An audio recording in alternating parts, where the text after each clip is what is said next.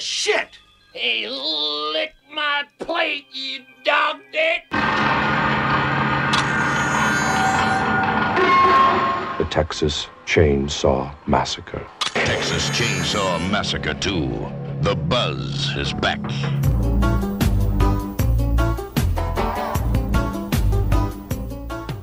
Welkom bij Julius versus Jasper, de Schokkend Nieuws podcast, waarbij we elke aflevering weer twee films bespreken. En dan komt aan het einde die vraag, welke van deze twee films zou je behouden als er eentje weg moet? En op het ingrediëntlijst staat natuurlijk weer Julius Koets hier. Daar is hij. Oh, hallo. Hallo, hallo. En eh, ik, Jasper Bende, ook. Dus eh, we zijn compleet. Ja. We gaan het even over twee bijzondere films hebben. Oh ja. Na, na Freddy en Jason, Michael, Pinhead, Ivonie is het ook wel tijd dat we het eens over Leatherface gaan hebben, toch? En eh, ja, een van mijn favorieten is dat natuurlijk Texas Chainsaw Massacre. En ik, ik- ja, ik zeg wel Leatherface. Eigenlijk niet eens gaan we het alleen over Leatherface hebben. We gaan het over zijn hele familie hebben. Ja, de hele familie, de, de hele familie Sawyer. Zoals ze in het tweede deel eh, genoemd worden. Ja, en die gaan we er vandaag eh, bij pakken. Want wat zet je nou tegenover zo'n klassieker als de Texas Chainsaw Massacre? Ehm, een film waarvan ik verwacht dat het publiek allemaal wel vrij makkelijk denkt als deze keuze wordt voorgelegd. Nou, dat is een eitje. Maar eh, we gaan het toch gewoon proberen. Ja. Waarbij ik ga het in ieder geval proberen, zeg ik. Ik neem het op voor die tweede film, Texas Chainsaw Massacre 2. En jij voor dus die allereerste. Ja, ik, ik, ik ben niet jaloers op je, Jasper. Nee, snap ik. Nou, of nee, snap ik. Ik vind het, eh, ik vind het wel een interessant... eh interessant. Ja, dat is het ook. Ik vind deel 2 ook heel goed hoor. Laat ik dat eh eh, voorop stellen. Maar Texas Chainsaw Massacre is echt een van mijn allerfavorietste films aller tijden. Ehm, en ja, ik denk ook in het genre van horrorfilms die echt kunnen gebeuren. Misschien wel eh, eh, de beste. Ja, en dat is een goede om meteen mee te beginnen. Je zegt die zouden kunnen gebeuren. Ik weet niet wanneer jij deze film, de eerste Texas Chainsaw, voor het eerst zag. Was je heel jong toen? Nee, ik denk dat ik gewoon een tiener was. Ja, ik was 14, 15 of zo. Oké, want heb jij ooit een- geloofd dat het een waar gebeurd verhaal is? Nee, want ik wist wel al van Ed Gein. en ik wist dat de film daarop een beetje geïnspireerd was. Maar ik wist ook wel dat Ed Gein dus niet, eh, eh, ja, niet zo was. Hè? Ed Gein heeft maar twee mensen vermoord, geloof ik.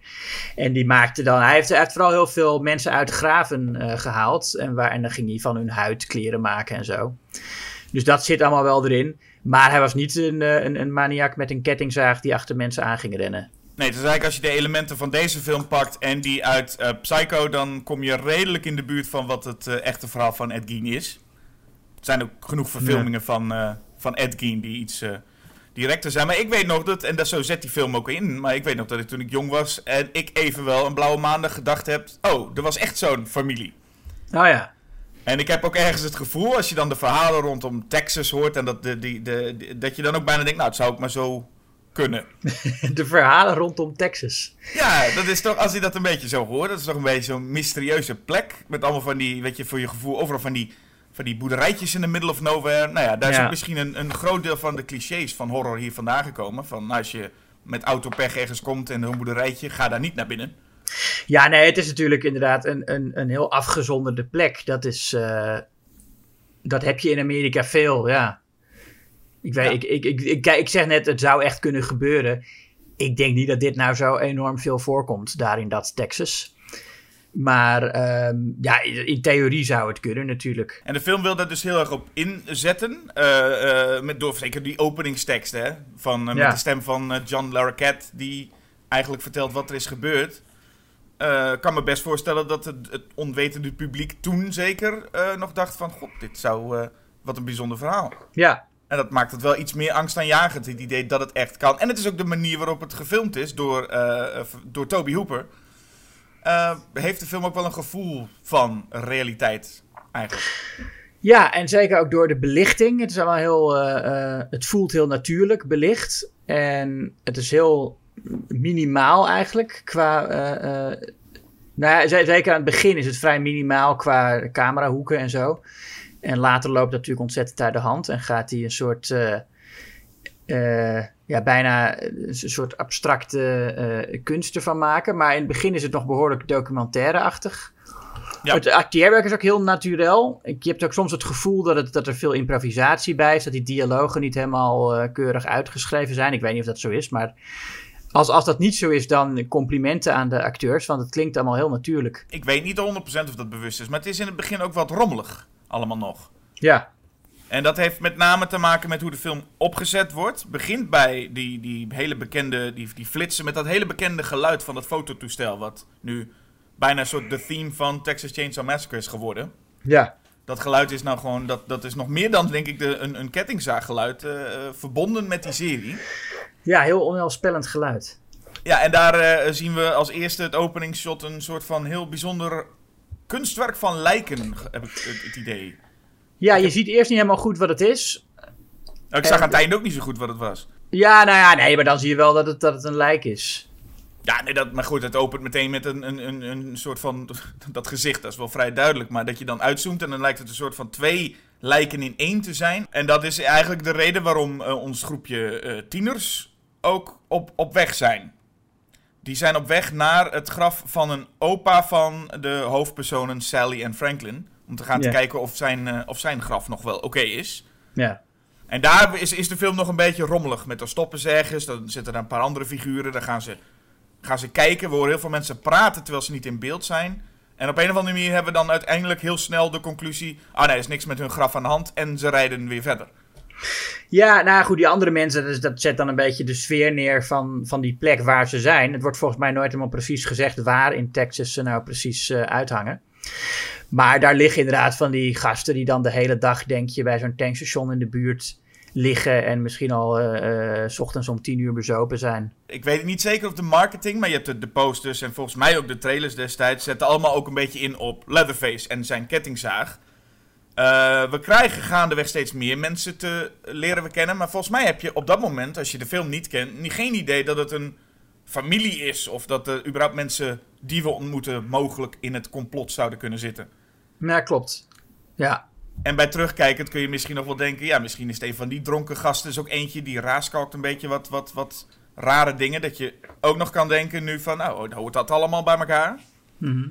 Ehm, maar de eerste eh, gekke persoon... waarvan ik in het begin, toen ik de film voor de eerst zag... ook niet door had dat die erbij zou horen... was die, eh, de lifter.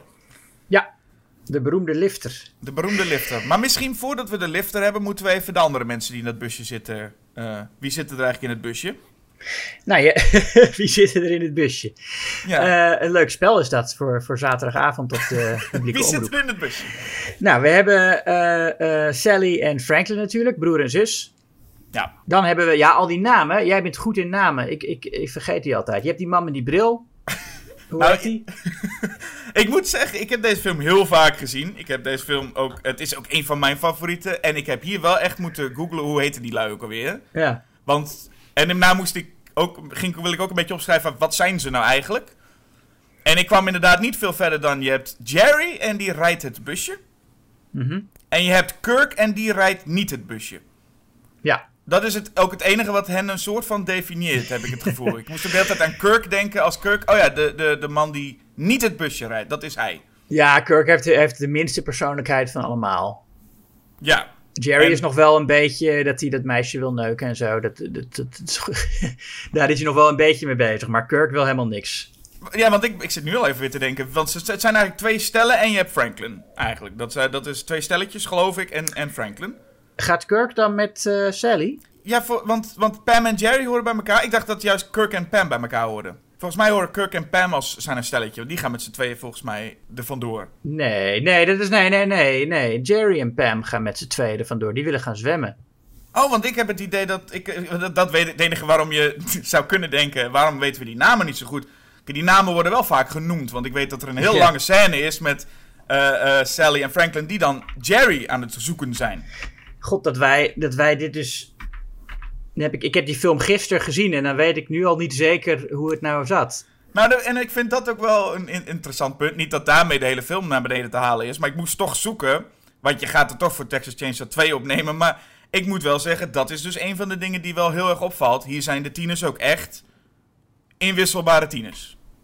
Ja, nee, het zijn zomaar mensen, ja. Maar, eh, maar dat doet op zich niet af van de film. Het is natuurlijk raar, eh, omdat ik dit zo'n geweldige film vind... en dat ik dan zeg dat ik, hoewel ik hem gisteren gezien heb... en natuurlijk daarvoor ook nog heel vaak...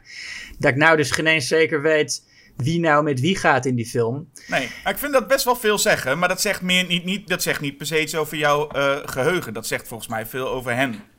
Ja, nee, precies. Maar het niet per se iets negatiefs. Het zijn, eh, het zijn, eh, ja, het zijn, niet, het zijn niet de meest. Het, het zijn gewoon niet echt per- personages of zo. Zeker die, ik bedoel, die, die Sally en Franklin wel, maar de rest niet echt. Nee, en toch is het dat als wij een, als wij een gemiddelde Friday the 13th kijken, volgens mij hebben wij, zijn we het altijd wel over eens dat het leukste is als die, de personages een beetje, eh, nou, dat we een beetje weten wie wie is. Ja, Dat maakt het altijd wel leuker. ja maar dit is helemaal geen Friday the 13th-achtige film. Dat vind is, ik. Ik kijk hem ook niet met dezelfde eh, gevoelens. Ik, het is grappig, hè? De- je hebt de Texas Chainsaw Massacre qua opzet helemaal een slasher. Mhm. Maar wordt zelden genoemd, of, als, of niet vaak. Als mensen het hebben over wat is nou de eerste slasher, dan komen ze met Black Christmas of eh, Halloween. En Texas Chainsaw Massacre, ja, we weten wel dat het qua opzet het verhaal van een slasher is. Maar die film heeft zo'n ander effect dan zelfs een enge slasher als Halloween. Of, of Black Christmas, waar ook heel spannende momenten in zitten. Texas Chainsaw is toch nog een stap verder in het echt pure horrorgebied. Ja, klopt. Die, die, wordt die wordt weinig aangehaald als slasher, terwijl het eigenlijk in, alle, in alles wel voelt als een slasher. Nou ja, het, het voldoet aan de beschrijving, maar het voelt inderdaad niet zo. Ik, als ik zin heb in een slasher, dan kijk ik niet eh, Texas Chainsaw Massacre. Dit busje met eh tieners had zo door kunnen rijden naar Camp Crystal Lake, wat dat betreft. Ja. hey, ik zie nu, ik heb het opgezocht op Wikipedia ondertussen en ik had gelijk. Het zijn Kirk en Pam die samen willen gaan zwemmen. Nee, jij, jij, zei, jij zei Jerry en Pam. Oh, Ik zei, Kirk, ik zei Kirk en Pam, dus ik heb gelijk. Geeft niks. oh. Ja, Maar- shit, nou. Ja. Nou ja, de luisteraar had het wel door, maar dat geeft niks. Maar daarna... want dan was ik gewoon in de war met wie wie was. ja, maar Ja. dat, ik, het enige waarom ik het weet is omdat ze de hele tijd Jerry aan het roepen zijn. Hmm. En volgens mij roepen ze die, ga- die gast die eh, als laatste vertrokken is. Maar die, Ja. dat zijn een stelletje dus. Kirk en Pam zijn een stelletje. Nou, Kirk is gewoon eh, de guy. eh, de, de niet-bestuurder. En Pam, dat, daar weten we iets meer van. Hè? We weten dat hij van astrologie houdt in ieder geval. Ja, Dat is toch iets. ja. En wie iets Ja. houdt vast. Ja, en eigenlijk wat grappig is, is Franklin is eigenlijk het meest, weten we het meest over, heb ik het gevoel. Want ook Sally, de heldin, degene die later wordt, wordt gezien als de, de, ja, de final girl. eh, daar zien we eigenlijk de eerste helft van de film heel weinig van. Ja, En dat komt natuurlijk ook omdat als die lifter in een busje stapt, dan zien we de hele tijd hoe dat achter in dat busje aan toe gaat. Maar Sally zit op de bijrijderstoel en die zien we dus ook helemaal niet. ja. Maar, maar Franklin heeft eigenlijk wat dat betreft, zeker in de eerste helft van de film, een beetje de hoofdrol. Eh, eh, de jongen in, een, eh, in de rolstoel. Ja, zou je het de hoofdrol noemen? Nou, in ieder geval, de, hij, hij krijgt daar de meeste. de, hij staat het meest. Nee, hij is het meest memorabel in elk geval. Hem herinner, hem herinner ik me wel altijd, ja. Ja, en dat heeft, dat, is, dat, dat heeft in mijn geval een beetje en positief, maar ook een wat negatief reden. Want hij, is, hij gaat wel, je zegt al wel, het acteerwerk is heel goed. Hij, hij gaat wel iets te ver af en toe. Ja, ik weet niet of dat nou echt zo is of zo. Je, je hebt mensen die echt zo zijn. Ja, maar, maar, maar ik, ik vroeg me af, want hij heeft, ja, kijk, hij, hij heeft een, een, een, eh, een lichamelijke beperking. Maar ik heb, de manier waarop hij gespeeld wordt, dacht ik dat hij soms ook een verstandelijke beperking had. Ja. Zo leek het soms wel. Maar hij heeft in Ja. ieder geval, zijn sociale vaardigheden zijn niet heel goed. Hij zit op een gegeven moment, legt hij uit aan de rest hoe die... eh, hoe zo'n pistool werkt om een, om, een, om een koe dood te schieten. En dan blijft hij maar ja. doen. En dat al die, eh, en dat, ja, je hebt eigenlijk twee stellen die met, met gewoon eigenlijk twee, twee stelletjes, twee, vier mooie mensen die allemaal zoiets hebben. Oh, Franklin, hou je bek dicht. Ja, hij zou eigenlijk zou je hem nog best wel in, die, in de Sawyer-familie eh, zien passen. Ja, nou volgens mij heeft hij ook in het begin wel een redelijke klik met die lifter. Ja, Dit, dit zouden Ja. best vrienden kunnen worden. ja nee, precies als we, het over, als we het over hoofdkaas gaan hebben. Ja, de oorspronkelijke titel van deze film ook, voordat het Texas Chainsaw Massacre werd, zou de film... Eerst zou het eigenlijk gewoon Leatherface heten en daarna werd de titel heel lang Head Cheese. Ja, Ik, ik ben blij met de keuze waar ze uiteindelijk voor gegaan zijn. ja. ja. Eh, Deze- hoofdkaas. Dat werd in Nederland ook wel eh, gemaakt en gegeten, hè? Wat, wat, houdt, wat, wat, wat houdt het nou precies in? Vertel eens even. Wat, eh, Nou, wat hij vertelt, dat je dus een schedel kookt en dan schraap je dat vlees eruit. Volgens mij heeft er ook iets te maken met, is het een beetje eh, een soort, eh, je hebt ook balkenbrei. ja? Wat, het is ook een, dat gewoon vlees dat dan een soort, een soort pap wordt. Eh, volgens mij is het zoiets. Hm. En dan, en, kaas, ja, dan, dat is dan, dan. Vroeger maakten ze kaas van heel veel dingen. En daarom heet pindakaas ook pindakaas. Nou, ten eerste omdat pindaboter in Nederland niet mocht, want boter is een beschermde naam. Maar het heet pindakaas omdat er vroeger gewoon heel veel dingen waren waar dan kaas van gemaakt werd. Appelkaas had je ook. En dat betekende gewoon dat iets dan een soort, eh, ja, een soort, smeerbaar eh, eh, eh, spul was. Ik ben toch altijd wel blij met deze culinaire uitstapjes eh, in de podcast. Dat eh, was eh, bij Deep Blue Sea hadden we het ook al een tijdje erover. En Ja, hier, hier, hier nu ook even. Dus, je- zo leer je nog meer. ja nee, het, het, het is heel toepasselijk toch om bij Texas Chainsaw Massacre af en toe eventjes culinair te doen. Absoluut, absoluut. En ehm, het gaat daar ook over, want ze rijden langs het slachthuis. En eigenlijk is dat ook een beetje waar de film voor een groot deel over gaat. Is dat hele slachthuis, daar werkte een familie, maar ja, dat is inmiddels eh, eh, geautomatiseerd. En daardoor zijn mensen niet meer nodig om met een moker de koe eh, de kop in te slaan. Ja, nou, het is natuurlijk een film die ook gaat over veranderende tijden. Hè. Er was destijds ook een enorm benzinetekort in, in, in Texas toen Hooper het verhaal schreef. Ehm, en je ziet hem, ja, het gaat een beetje over, over die stress van de tijden zijn aan het veranderen. En sommige mensen die, die jarenlang gewoon vertrouwden op hun werk, hebben nou geen werk meer. En die raken, nou ja, aan lager wal. En moeten dan, eh, die, en, en en die gaan dan maar dit doen. En deze, deze lift heb je dus in het begin geen idee per se dat hij daarbij hoorde. Dus gewoon, hij kan ook een soort kleine intermezzo zijn. Oh, klein, het duurt, duurt best wel eventjes. Maar eh, dat je denkt, daarna hoeven die lifter niet meteen meer terug te zien. Ja. Maar het, zet, het, zet wel, het, geeft, het zet wel een toon. Deze lifter gedraagt zich nogal vreemd. En het duurt echt wel even voordat ze er klaar mee zijn als eh, groep om die lifter eruit te gooien. Ja, nee, het duurt even inderdaad. En dat is, eh, die scène, hij gaat, hij gaat heel lang door. En hij is ook heel, ehm, ja, een beetje kabbelend eigenlijk. En het, en eh, kijk, als, als dat nu, als je nu een professioneel, nou goed, het is natuurlijk sowieso professioneel. Maar als je nu een, een niet debuterende regisseur zou zeggen, doe eens zo'n scène. Dan zou dat denk ik een heel kort, vlot stukje worden. Waarin even een soort voorbode gegeven wordt. En waarin wel duidelijk, eh, eh, eh, duidelijk gecommuniceerd wordt ook dat die lifter er iets mee te maken zal hebben.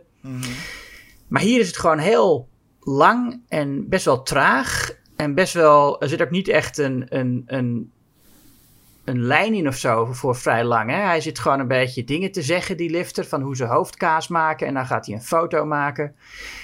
Ja, en hij, hij, hij, ze, hij heeft een soort van. eh, Franklin heeft een mes. En dat, dat is een beetje waarom ze ook vrienden zouden kunnen zijn. Hij heeft dan ook zoiets van: Oh, ik heb ook een mes. Ja. Wat leuk. En dan kijken hoe eh, ik snij mezelf. En dan zie je ziet ook de hele tijd gewoon het, het tegenshot van de drie mensen die reageren. Waaronder dus eh, Kirk. Die er Ja. gewoon bij zit en de hele tijd een beetje zo van... Ah, ah, gast, doe even normaal. Ah. Ja. En dat blijft hij ook een kwartier lang doen. Maar inderdaad snijdt zichzelf en denkt op een gegeven moment dan... helemaal Als hij dan een foto even wil verkopen en dan steekt hij die foto in de fik... heeft hij heel tra- traject voor en dat blijft ze allemaal bekijken van... nou, ben benieuwd wat hij hiermee gaat doen. en pas op het moment dat hij dan denkt van... ik heb ook een mes, zal ik jou eens snijden? Eh, heeft hij... eh, dan zeggen ze van, nou, nou is, nou is het klaar. Nou, nou, nou eruit. Ja, ja maar goed, dat is ook wel een beetje. De, de- dat, dat gaat een grens over. Maar eh, en de hele tijd hoor je op, die, op de achtergrond ook de muziek op hun radio, hè? Ja, klopt. Dat, dat, dat country eh, deuntje. Dat maakt het ook heel oncomfortabel. Die hele scène. Dat je gewoon, en, maar ook best wel hard hoor je dat. Het gewoon echt door de dialoog heen. Voortdurend dat, dat vrolijke deuntje. Ja, en het is ook de, de, het gebrek aan... Wat, wat ik zelf, als ik, als ik gaten in Halloween zou moeten gooien... zou ik zeggen dat Halloween nog wel eens een handje heeft van... Die, geluids, die kleine geluidsstingers, die, die geluidseffectjes. Om, om aan te geven, er gebeurt iets. En hier, als ook de lifter zichzelf snijdt en zo...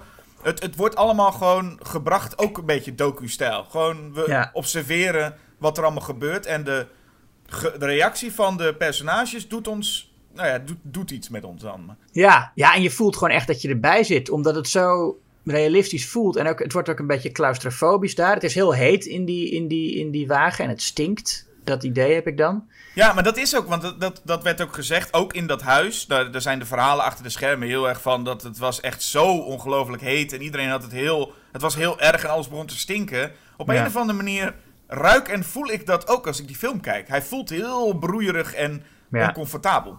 Ja. Ik weet niet eens zeker of het puur door de manier waarop ze het doen is. Of dat je, het, het komt gewoon heel erg over alsof je voelt van, ja, die personages die hebben het ook niet prettig. Ook als ze op een gegeven moment iets ruiken, van, oh, het stinkt hier, heb ik het gevoel, dat is waarschijnlijk ook echt gewoon zo daar. Ja, ja, zeker. Ja. We zeiden al wel een beetje documentaire stijl. Er moet wel meteen gezegd worden, dus cinematografie van Daniel Pearl is echt wel heel erg sterk.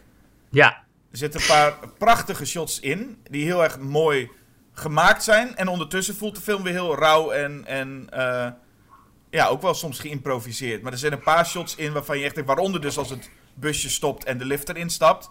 Ja, het zijn hele mooie shots.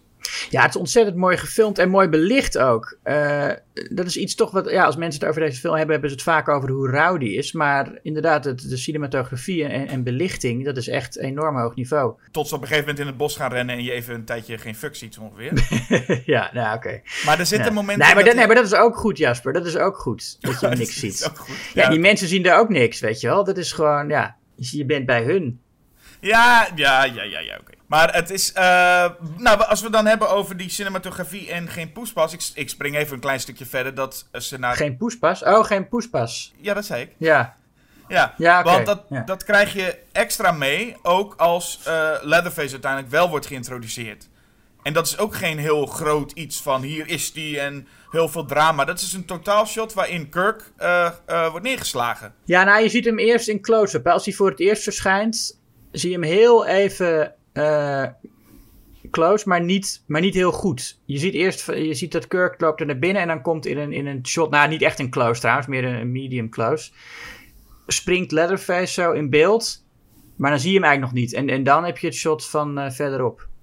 Ja, en dan is het ook niet met, nou ja, wat, als we het dan hebben over eh, hoe het nu zou gedaan zou worden. Nou ja, we hebben natuurlijk een, een, een, een, remake gehad in 2003 van Ja. deze film. Maar hoe het dan snel zou, heel veel cuts. En hier is het, hij wordt neergeslagen. Het is allemaal, nou ja, wat ik zei, zonder poespas, zonder eh, eh, bombast. Het is gewoon, hij valt dan neer, een beetje zoals het echt zou zijn. En ook hier is eh, de sounddesign weer heel goed. Je hoort de hele tijd wat kippen of varkens een beetje op de achtergrond. Ja, ik, voor mij is het Leatherface die dat varkensgeluid maakt. Ah, Waar Kirk op afkomt. Dat, dat idee had ik altijd. Ja, dat zou inderdaad zo kunnen. Maar het is een heel fijn, niet definiëren geluid. Nou, die kippen weten we dan. Die zitten daar een beetje allemaal in huis. En, en, en we zien dan eh, ja, Kirk die gewoon neergaat. En dan trilt hij nog een beetje zo met zijn been. Maar het is allemaal niet... Het, het, is, het is allemaal heel... Dat is dan weer heel rauw. Gewoon hoe dat gedaan wordt. Ja, dat getril met die benen, die, dat, dat is iets wat je zelden ziet in films.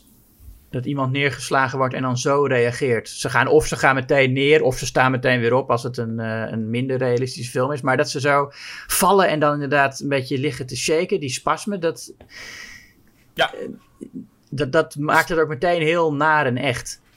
Ja, het is inderdaad of rennen we, of, of ze kruipen dan weg of zo. En worden dan weg teruggesleurd. En dan Ja. gaat die deur dicht. Ja, en eh, je- waar je natuurlijk wel ziet, als je, ziet, als je eh, wel eens beelden gezien hebt van dieren die geslacht worden. Mhm. En dat is natuurlijk waar deze film ontzettend ook aan doet denken. Die, die mensen worden als, ja, vaak als beesten in beeld gebracht. Als, als producten die voor die familie eh, gebruikt worden. Ja, je vraagt je een beetje of deze film niet heel erg gewoon eigenlijk anti-vleesconsumptie is. Ja, er zijn best wat mensen die vegetariër zijn geworden naar aanleiding van deze film. En dat is ook wel leuk, want als ik aan Texas denk, denk ik ook van, nou, daar, daar eet- vreten ze gemiddeld bij, bij het avondeten een hele stier op. Dat is, het is echt zo'n, ook zo'n, zo'n vleesstaat, heb ik het gevoel. Ja, barbecue, ja.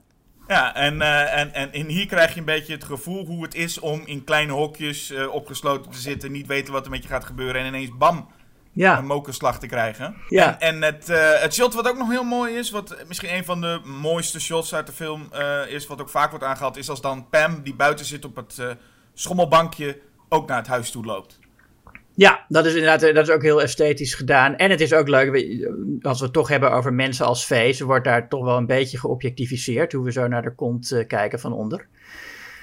Ja, het is, het is wat je tegenwoordig zou, zou, zou zien als het Zack Snyder shot. Gewoon, ik bedoel, zo wordt, wordt iedereen altijd bij hem eh, gefilmd. Ja, maar in dit geval heeft het dan nog wel de lading van... Ze is ook vlees, weet je wel? Ze is, een- ze is een object voor, die, voor de Sawyer-familie. En eh, ja, haar, haar overkomt waarschijnlijk het meest ja, iconische, omdat het ook op de, op de poster staat, is de, zij, gaat, eh, zij gaat aan de haak.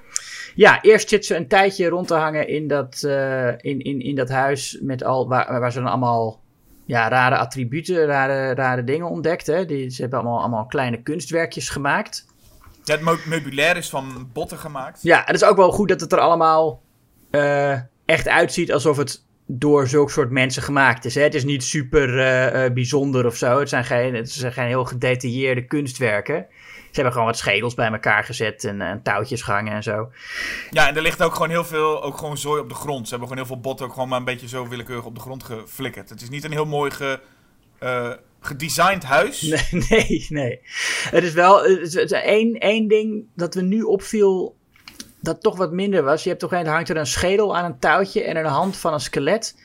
Mhm. En ik had nu voor het eerst de indruk dat dat ja, toch een beetje iets te duidelijk van de feestwinkel komt. Oh ja, ja, ja, precies. Maar, eh, maar verder ziet alles er echt heel realistisch en goed uit. Ja, omdat het ook gewoon echt, eh, echt spul was eh, voor een groot deel. Al die botten Ja. van dieren zijn natuurlijk gewoon echt. Ja, die lui zijn inderdaad naar de, de, de, de, de, de slager geweest en hebben alle, alle zooi meegenomen. Ja. Wat, wat, je, wat je mede ook het gevoel krijgt van, god, daar lopen ze dus. En dat spul ligt daar dus heel lang in zo'n heel heet huis. Ja. Dus het zou op die set ook zeker niet comfortabel geweest zijn. Maar dan, eh, ja, dan gaat inderdaad eh, eh, Pam aan de haak. Ja. Ja, en dat is, ja, het is al mooi. Het, ik bedoel, dat is het ook. De mooi shot, het feit dat de haak al in beeld is, terwijl hij haar naar binnen sleept. Mhm. En ja, je, je gewoon het idee ook. Het, het is best gewoon gruwelijk. Je wordt aan zo'n haak gehangen, je leeft dus nog. Ja.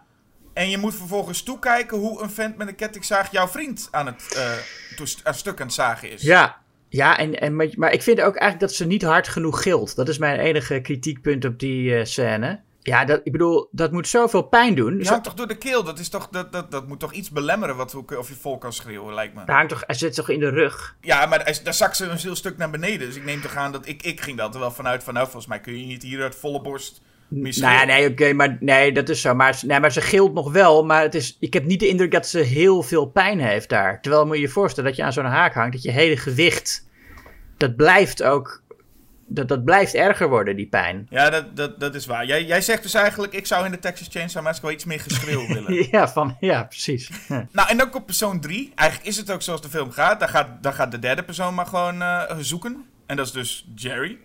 ja, Eh, weer zo'n mooi shot dat hij zo naast, richting zo'n eh, neergaande zon loopt. Ja, het zijn allemaal best wel mooie plaatjes dan. En, eh, en ook hij gaat eraan. En dan krijg je een beetje het gevoel, want je hebt dan... Oké, hier is Leatherface, de grote boeman. Maar je hebt daar ook een beetje het gevoel dat Leatherface niet echt die boeman is. Want hij rent daar een beetje in paniek in het huis en gaat dan ook zitten. En heb, ik heb altijd het gevoel dat hij daar liep met... Wat doen al die mensen in mijn huis? ja. Nee, hij is, heel, hij is heel gefrustreerd en bang en, en paniek. Eh, Toby Hooper zei ook dat Leatherface op dat moment denkt, zit ik in de problemen? Hij is heel bang dat hij met zijn familie in de problemen zit. Omdat hij denkt dat het zijn schuld is of zo, dat al die mensen daar komen. En dat, en dat kreeg ik. Ik weet, ik, ik, heb, ik heb van iemand ooit gehoord die juist dat zag. Want daar ging Leatherface gaat dan even bij het raam zitten. En dan is hij eerst wel een beetje paniekerig. En daarna gaat hij een beetje zo aan zijn tanden en aan zijn lippen likken. Ja. En dat, dat iemand dan dacht van, oh, daar ziet hij van, oh, we hebben nou weer genoeg eten voor de komende weken. Nee, ik, denk- ik denk zeker niet dat hij, dat, hij, dat hij lekker aan zijn lippen likt van, eh, oh, wat wordt dat smullen. Dat absoluut niet. Nee, dat, het, is, het is een moment, het is echt een verrassend moment, omdat je, je ziet dat natuurlijk een Michael of een Jason niet snel doen. Eh, dat de moordenaar gewoon even gaat zitten en je hem in andere context ziet dan bezig met, met moorden of een slachtoffer achtervolgen. Ja, en je hebt op dit moment dus geen idee dat er meer mensen nog in dat huis horen. Het kan gewoon het huis van Leatherface zijn en hij is de slechterik. We hebben de lifter wel ontmoet, nog wat andere mensen en ook eh, de, de kok. Komen we later op, maar die, die hebben we ook al even gezien bij het, eh, bij het benzinestation. Ja. Die ze eigenlijk even uitnodigt voor een, eh, eh, voor een barbecue. Eigenlijk is het ook een figuur waar als hij later terugkomt, kan ik me best voorstellen dat er een publiek zou zijn die hem helemaal niet meteen herkent. Maar hij is gewoon de man van het benzinestation die zegt, nou jongens, jullie moeten niet in, eh, in oude huizen gaan rondsneupen. Hè? Dat is niet eh, de bedoeling. Ja, hij probeert ze daar nog wel een beetje ervan af te praten, hè? Terwijl later is hij helemaal van, nou, kom nou maar gewoon even mee, Sally. Maar eerst zegt hij nog helemaal van, ja, moet je dat nou wel doen, zo'n oud huis? Dat is toch niet leuk? Ja. Want ze gaan, ze gaan naar het huis eh, waar Sally vroeger gewoond heeft. Hè? Waar, ze- eh, dat is eh, waar ze eigenlijk naartoe gaan en waar ze eerst rondlopen. En dan Ja, en s- is het huis van de Sawyers is eigenlijk gewoon vlakbij. Ja, je moet nog wel een klein stukje lopen. Dus het is niet alsof het echt buren zijn. Je moet nog een stukje door een bos en, en, en iets heen. En ehm, de, Pam en, en Kirk die komen dat als eerste tegen en denken... Oh, daar kunnen we waarschijnlijk wel benzine halen. Ja, En daar, daar zien ze ook een hele rits aan auto's geparkeerd daar. Waarbij je dus al een beetje het gevoel hebt... Dat zouden dus waarschijnlijk alle auto's van andere slachtoffers zijn. Maar normaal zou je verwachten dat je dan nog krijgt met... Ja, de, de Sawyers hebben hun auto ook gesaboteerd en wilden dat ze daar kwamen. Maar dat krijg je dus helemaal niet het gevoel. Het is gewoon, wat doen jullie in dit huis? En de kok heeft je nog geprobeerd weg te krijgen. ja. Het is niet van, kom hier, ik wil iedereen die hier langskomt, wil ik, eh, wil ik ontvoeren en, eh, en opeten. Nee, nee, nee, precies. Nee. En het stukje opeten, het stukje cannibalisme zit er überhaupt daar nog... Daar denken we op dat moment nog helemaal niet aan. Nou, als ze aan een vleeshaak hangt, is dat... Nou, ik, Nou ja, misschien ook niet. Ja. ik, zou nog, ik, ik heb nog niet door dat ze voor consumptie bedoeld zijn in ieder geval. Nou ja, als je, eh, al die, als je al die menselijke schedels daar ziet liggen, dan heb je toch wel een, een idee van wat ze met die mensen gaan doen, denk ik. Ja, ik, nou ja, voor mij is het, het, het, het, het is eh, iemand met een kettingzaag vermoorden, iemand, eh, eh, eh, ja, wat je er ook met, het kan ook gewoon puur decoratie zijn. Het feit van het consumeren is nog niet per se, ik kwam in mij nog niet op. Maar wel heel logisch als je het later eh, eh, bekijkt, waar de, eerste, waar de film ook naartoe werkt. Maar het duurt nog even voordat die familie bij elkaar komt en we dat doorhebben, want we krijgen eerst nog Sally en Franklin die een hele tijd Jerry aan het zoeken zijn. Mhm. En eh, door het bos lopen, waarbij de naam van Jerry nogal flink eh, in het rond gaat.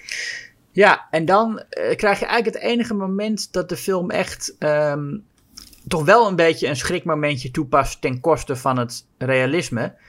Als Leatherface uit het niets opduikt met een ronkende kettingzaag. Dan is Ja. het echt van, oh, ik hoorde iets. En dan opeens is daar een Leatherface.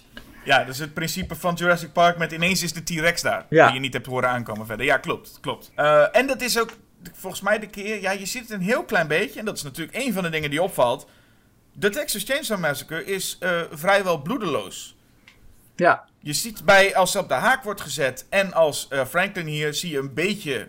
Dan werd er eh, achter de schermen, werd, eh, en de acteur en nog een paar andere mensen hadden allemaal bloed in hun mond en begonnen dat uit te spugen richting Gunnar Hansen.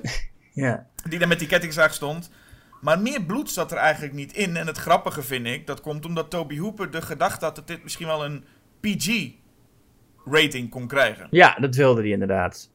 En hij had echt zoiets van, nou, dat gaat me volgens mij wel lukken. En dan weet je, bij zo'n... Er was nog...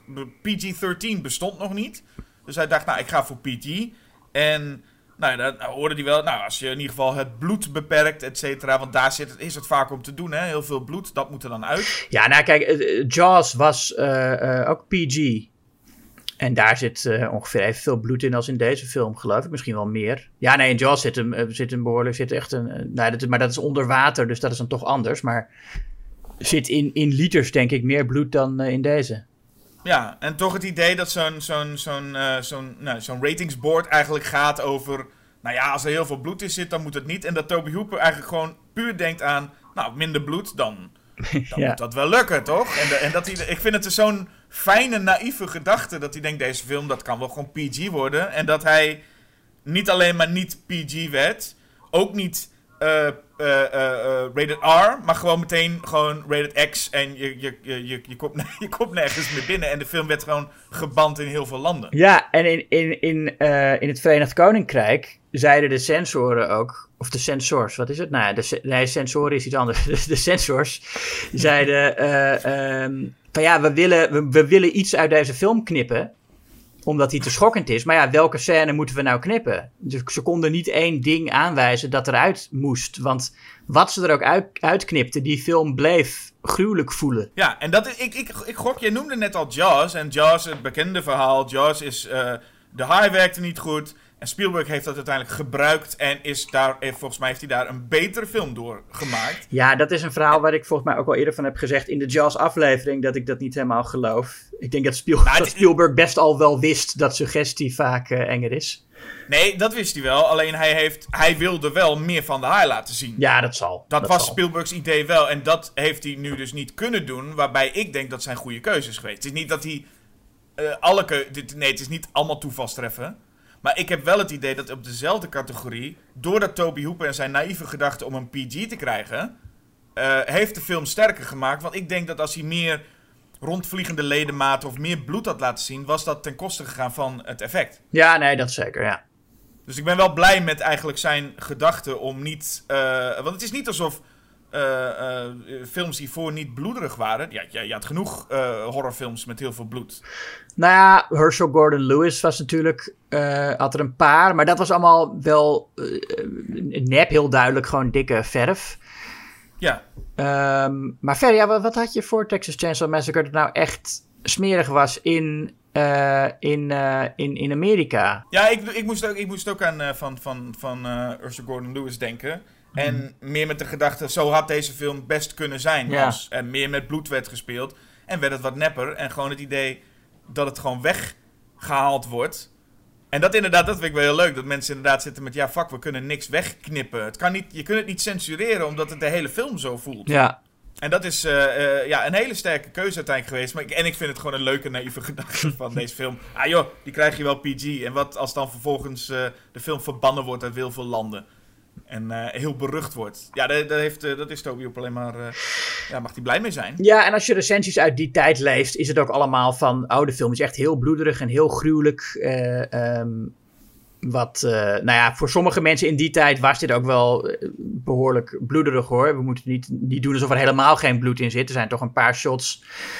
eh Sally's gezicht aan het einde. En, en ook als, als, als, als Kurt neergeslagen wordt, zie je wel wat bloed op zijn, op zijn borst. Ehm, en op zich, in, in die tijd was horror ook. Hadden, hadden niet alle mensen een, een horrorfilm gezien waarin überhaupt bloed vloeide. Nee.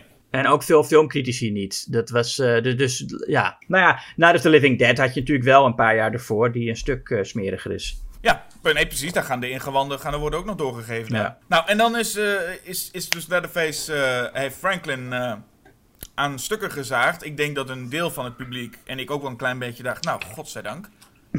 Want hij, het, het werd op een gegeven moment wel een beetje vervelend. Maar Franklin dood en dus eh, gaat Leatherface achter eh, Sally aan. Ja. En dan, is, dan, dan ga je eigenlijk maak je iets door waarvan je denkt: oké, weet je, het, het, eh, wat, wat er met de andere tieners gebeurt is niet fijn. Ik zou niet graag dat lot willen. Maar allemaal nog liever dan wat Sally allemaal door moet maken. Ja, eerst dat eind door het bos rennen. Wat ook eh, heel mooi gefilmd is, hè, dat de camera zo steeds eh, closer gaat. Mhm. En dan komt ze inderdaad bij eh, nou, de kok Ja, terecht. nou. Die haar eerst lijkt te willen gaan redden. Maar ook dat. En ook dat is niet gedaan zoals je nu in een, in een geliktere film zou doen of zo. Dat zij dan bepaalde dingen ziet in die kamer. Waardoor ze langzaam doorkrijgt dat, er, dat die man misschien wel kwaadwillend is. En dat ze dan op een gegeven moment het zich realiseert. En, nee, Er staat er zo'n fo fotootje op het bureau waar hij met Leatherface zo samen op staat. en dat ze een vis gevangen hebben of zo. Ja, nou, ja, zoiets zou je nu verwachten, weet je wel.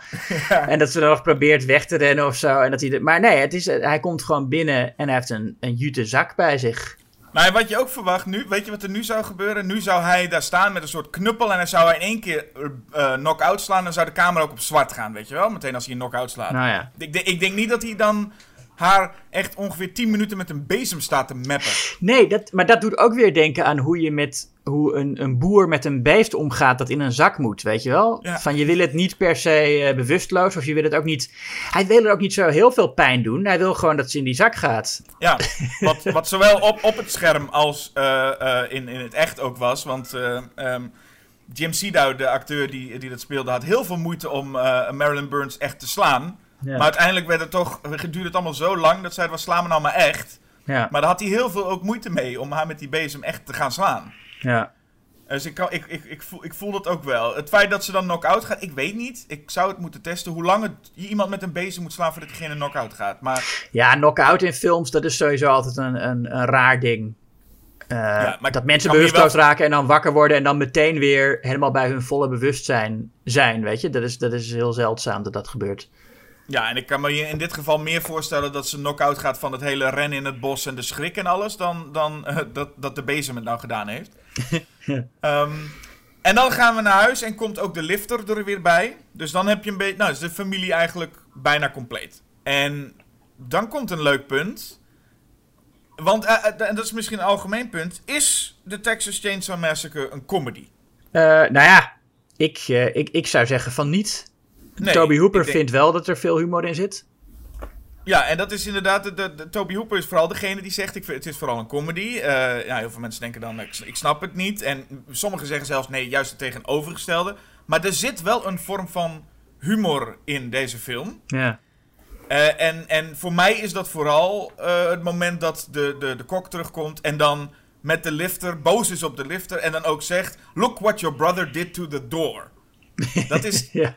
Voor mij een ultiem stukje van: oké, er is zoveel heftigs gebeurd. En deze man is boos omdat de deur kapot is. Ja.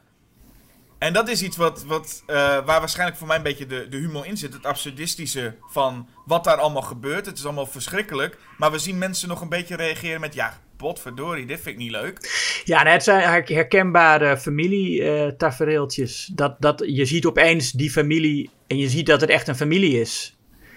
Daar kom je daar eigenlijk een beetje achter. Van, oh, het zijn, het- hij is een broer van die. En, eh, en, en op dat moment heeft Leatherface ook. Hij is dan als vrouw verkleed, hè? Volgens mij heeft Leatherface ook een beetje de moederrol. Ja, nee, dat idee heb ik daar. Dat hij, omdat er geen moeder is, dat hij op dat moment denkt van... Ja, dan moet ik maar de moeder zijn. Ja, en het is ook een beetje die, die, die taakverdeling die je ziet. Je hebt, je hebt de, eh, de, de jongen, dat is dan even de lifter, is de jager. Ja. En die gaat, die gaat op jacht, die gaat het, het, het, het vlees halen. De, de, de, de oudere man, die bereidt het, die is de, de kok. En je hebt wel het gevoel dat Leatherface meer de, nou, de, de, de, de hè, ik, blijf thuis eh, moeder is. In, ik blijf in de keuken. Ja, nee, hij, hij slacht. Ja. Het enige wat, het zijn dan drie broers, heb je het idee. En het enige wie nog ontbreekt is, eh, is opa. Ja. Die hebben we al even gezien toen Sally naar boven liep, eh, in, even in het huis. En, en daar twee, eh, nou ja, je, wat ik dacht dat het gewoon twee lijken waren. Een oude vrouw en een oude man. Eh, de vrouw lijkt inderdaad ook, is, of is ook wel echt dood. Maar de man blijkt nog te leven, de opa. Ja, die vrouw, dat, is, dat, dat, dat doet heel erg aan Psycho denken. Ja, Maar ja, die man die, die leeft inderdaad nog, ja. En die, en, en nou ja, terwijl er dus heel, dat is allemaal heel heftig. En dat is dus de, het, het conflict van die eindscène. Eh, het is heel onplezierig eigenlijk om naar te kijken. Er wordt heel veel geschreeuwd en vooral die enorme close-ups van ogen. Ja, dat gaat maar dichter en dichterbij, hè? Ja, zo. Op een gegeven moment zit je echt... kan niet dichter. Zit je, nee, maar en, en dan gaat hij dus nog een stukje dat je echt alleen maar de, de, de, de aderen op het wit ziet. Ja. Ja, en het, het, het, het wordt daar heel, heel onplezierig van. Op een hele positieve, eigenlijk op de meest eh, positieve zin van het woord onaangenaam. Ja, het wordt bijna abstract. eh, Die, die heel snelle opeenvolging van beelden en uit extreme close-ups. En die lachende koppen er tussendoor. En, eh, en, de, en de muziek erbij. En je denkt, hoe lang gaat dit door? Ik heb, de, ik heb die film één keer in de bioscoop gezien. Eh, heel mooie 4K-print was het. En dat, dan zit, dat is echt een, een soort nachtmerrie.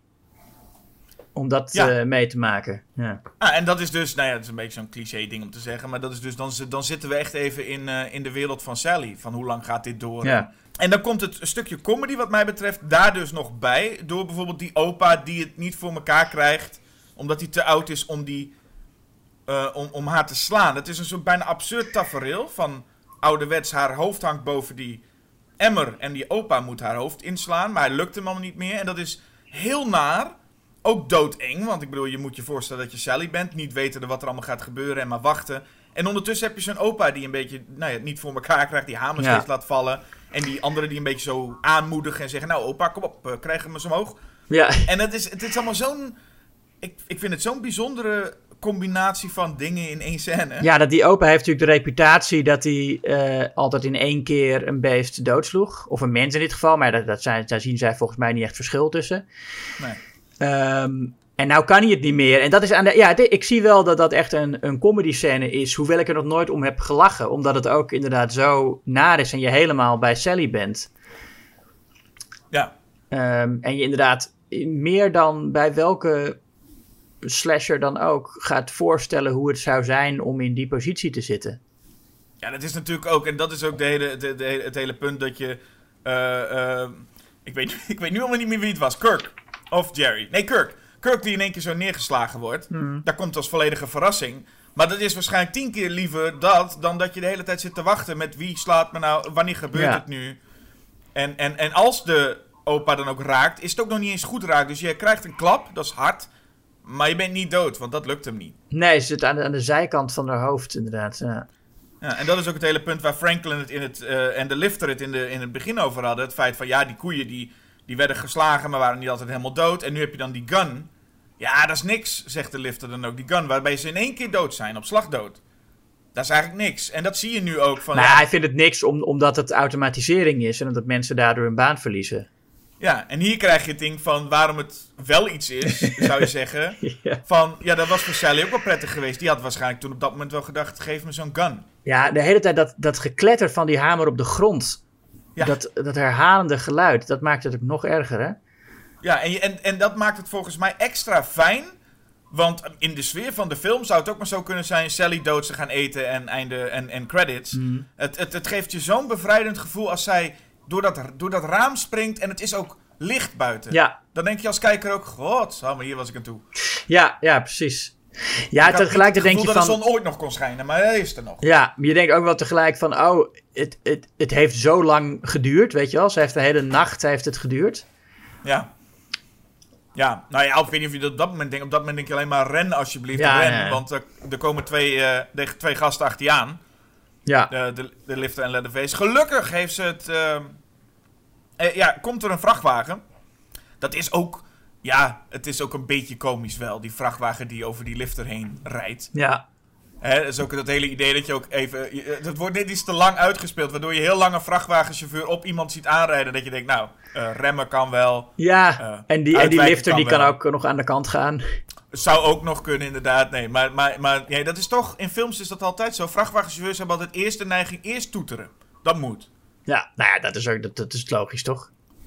Nou, ik denk dat als je echt, echt zo hard op iemand afrijdt, dat het misschien handiger is om eerst te remmen. Want dat toeter is eh, Ja. niet het belangrijkste. ja, nee, dat is ook waar, ja. maar, maar dan, ja, dan, en die gaat er ook, die gaat ook, eh, eh, die lifter, dat gaat, daar wordt ook flink overreden als je dat ziet. Dat, dat is een beste, een- die pop krijgt veel te verduren, laat het zo zeggen. Ja, ja maar het is ook niet, het is niet super duidelijk dat het een pop is, vind ik.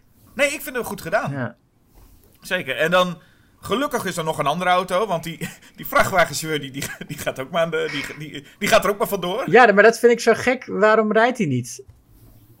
Ja, daar komt een vent met een kettingzaag achter je aan. Maar dan Ja, maar dan ga je toch niet uitstappen en wegrennen? Dan ga je, je zit, jij, jij zit in je vrachtwagen en Sally zit er ook bij dan. Ja, Dan kun je toch gewoon rijden? ja ineens ze stappen aan de andere kant weer eruit, hè? Ja, En dan gooit hij nog zo'n soort van, van, van gereedschap naar, naar, de, naar, naar Leatherface. Die dan daardoor... Dat is redelijk effectief, want die valt en snijdt in zijn eigen been. ja. Maar eh, eh, dan... Vervolgens stapt Sally gauw in een andere auto. Hop, weg, weg, weg. Gelukkig is er nog een andere auto. En die vrachtwagen, die moet hem uitzoeken. Die, Ja, die gaat er Die, vandoor. gaat, die zet het op een holle inderdaad. Ja, dat, dat vind ik wel raar. Ik snap wel dat je niet het shot wil dat Sally met die vrachtwagenchauffeur achter op die andere auto zit. Want dat zou een beetje eh, raar geweest zijn. Ja. Maar het is ja, toch gek eh, dat die vrachtwagenchauffeur dan inderdaad... Ja, überhaupt weggaat uit die wagen. Je ziet ook, ik vind wel in die laatste scène, zowel als die lifter door de tuin achter Sally aanrent, als wanneer Leatherface met zijn kettingzaag eh, die vrachtwagen ach- achter Sally aan zit, merk je dat ze een beetje hun best doen om haar weg te laten gaan. Weet je, je, je Ja, dat- ziet dat de acteurs haar niet echt proberen te pakken. Af en toe zie je dat ze een, een beetje afremmen van... eh, oké, je moet wel even voorblijven. Maar ja, dat is, eh, dat is een detail. Wat ook een shot, hè? Ik bedoel, die laatste, het einde, die laatste dans van Leatherface. En dan eh, heen en weer gesneden met Sally die als een, als een gek aan het lachen is. Ja. Wat een, wat een einde. ja, dat is een van de beste eindes die er is, die er zijn. Ja, Ja. nee, absoluut. Ook, eh, we hebben het wel eens vaker gehad over, eh, volgens mij, dat we redelijk eens zijn met dat films op een goede manier of op een lekker snel kunnen stoppen. En deze film gaat stopt precies op het goede moment.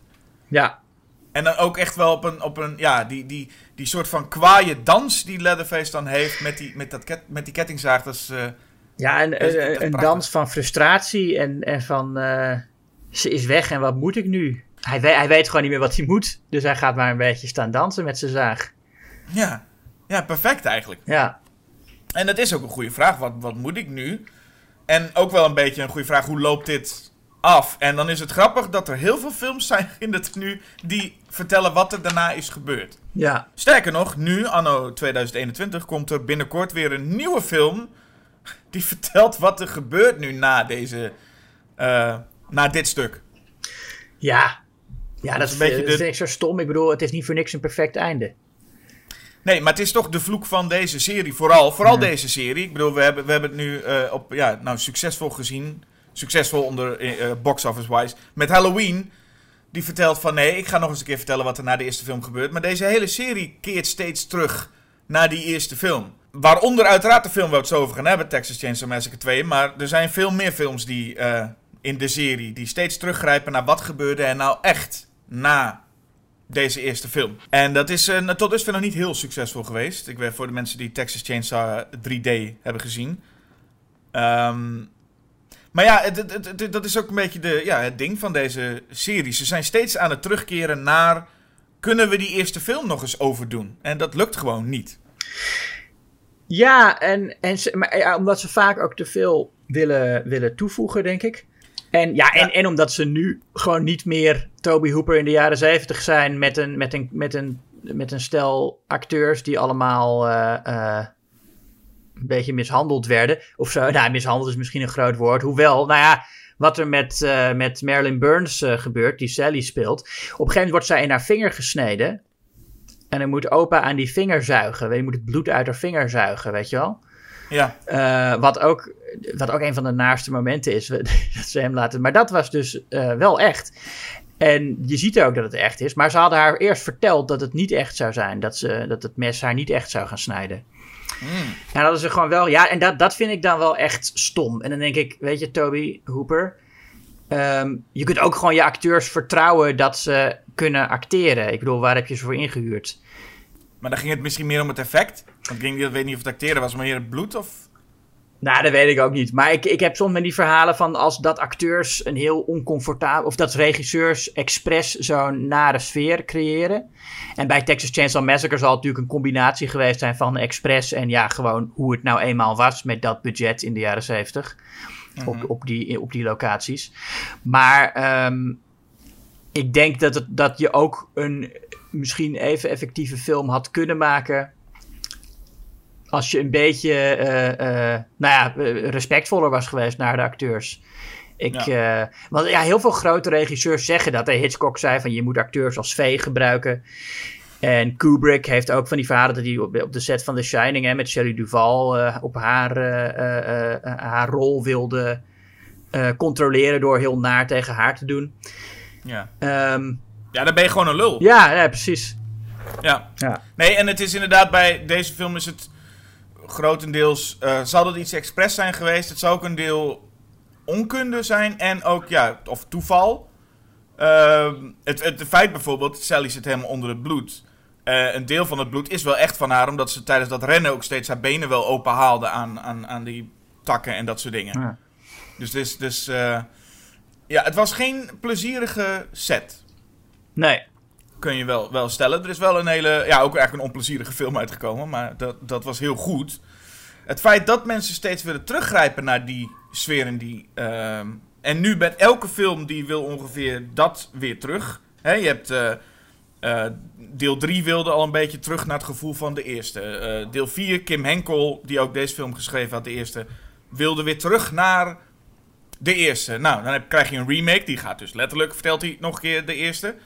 En je hebt de eh, Texas Chainsaw 3D.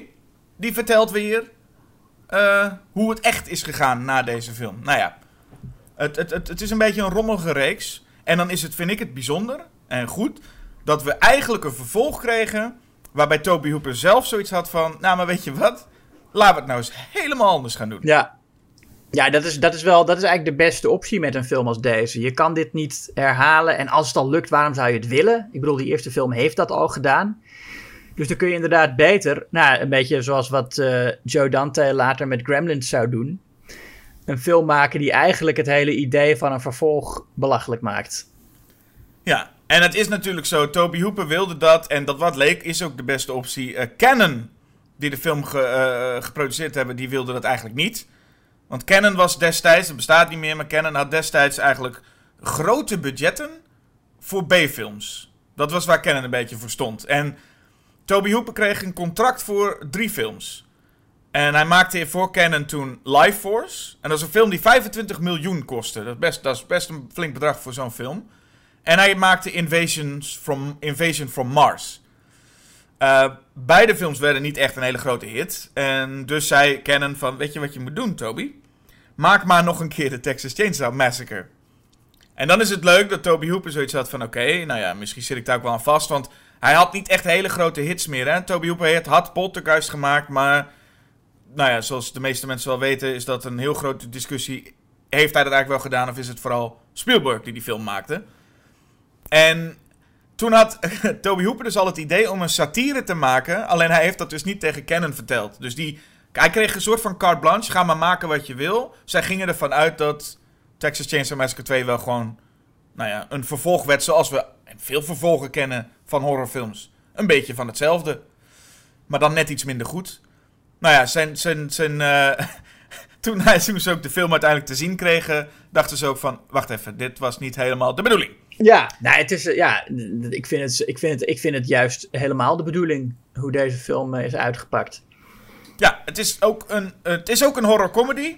Wat Toby Hooper dus eigenlijk van de eerste film al vond. Maar dan gewoon vrij duidelijke een, uh, een horror comedy. Ja. En gemaakt in de tijd, 1986 hebben we het over. Goed, goed bouwjaar. En de, daar, in, in die tijd. Uh, nou ja, hadden we de, de, de, de Freddy's, de Jasons, de Michaels waren er allemaal al. En dan is het inderdaad, dan, dus dan loop je niet alleen met je vervolgfilm dat je denkt, ik moet een vervolg maken van mijn film die ik jaren geleden heb gemaakt. Nee, je moet ook nog eens een keertje mee gaan doen met alle anderen. En dan denk ik, dan, ja, dan heeft Toby Hooper echt wel een goede keuze gemaakt om echt een film te maken met Texas Chainsaw Massacre 2 die heel anders voelt dan al die andere films überhaupt. Want het is een totaal andere soort film. Nou, daar komen we wel. Uh, ja, wat, wat hij wel gemeen heeft met de eerste is dat hij heel uitputtend is. Ja, dat zeker. Sowieso, eigenlijk, het, het, het, is een film die qua toon niks met elkaar te maken heeft. Maar hè, personages komen terug. Het is ook echt een vervolg.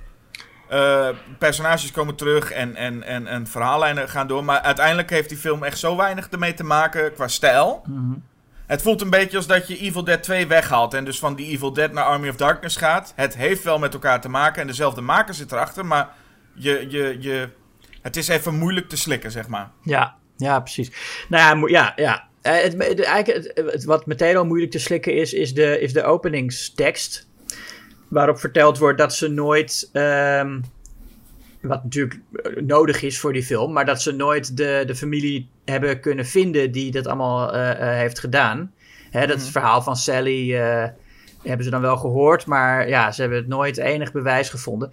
Terwijl het was gewoon vlakbij het huis waar zij is opgegroeid, dus ze weet echt wel waar dat is ze hebben het huis ook waarschijnlijk wel gevonden. Het is niet dat het huis verdwenen was, toch? Het is meer dat die familie weg was. Ja, maar dan heb je dat toch alsnog... Heeft die familie en al die spullen...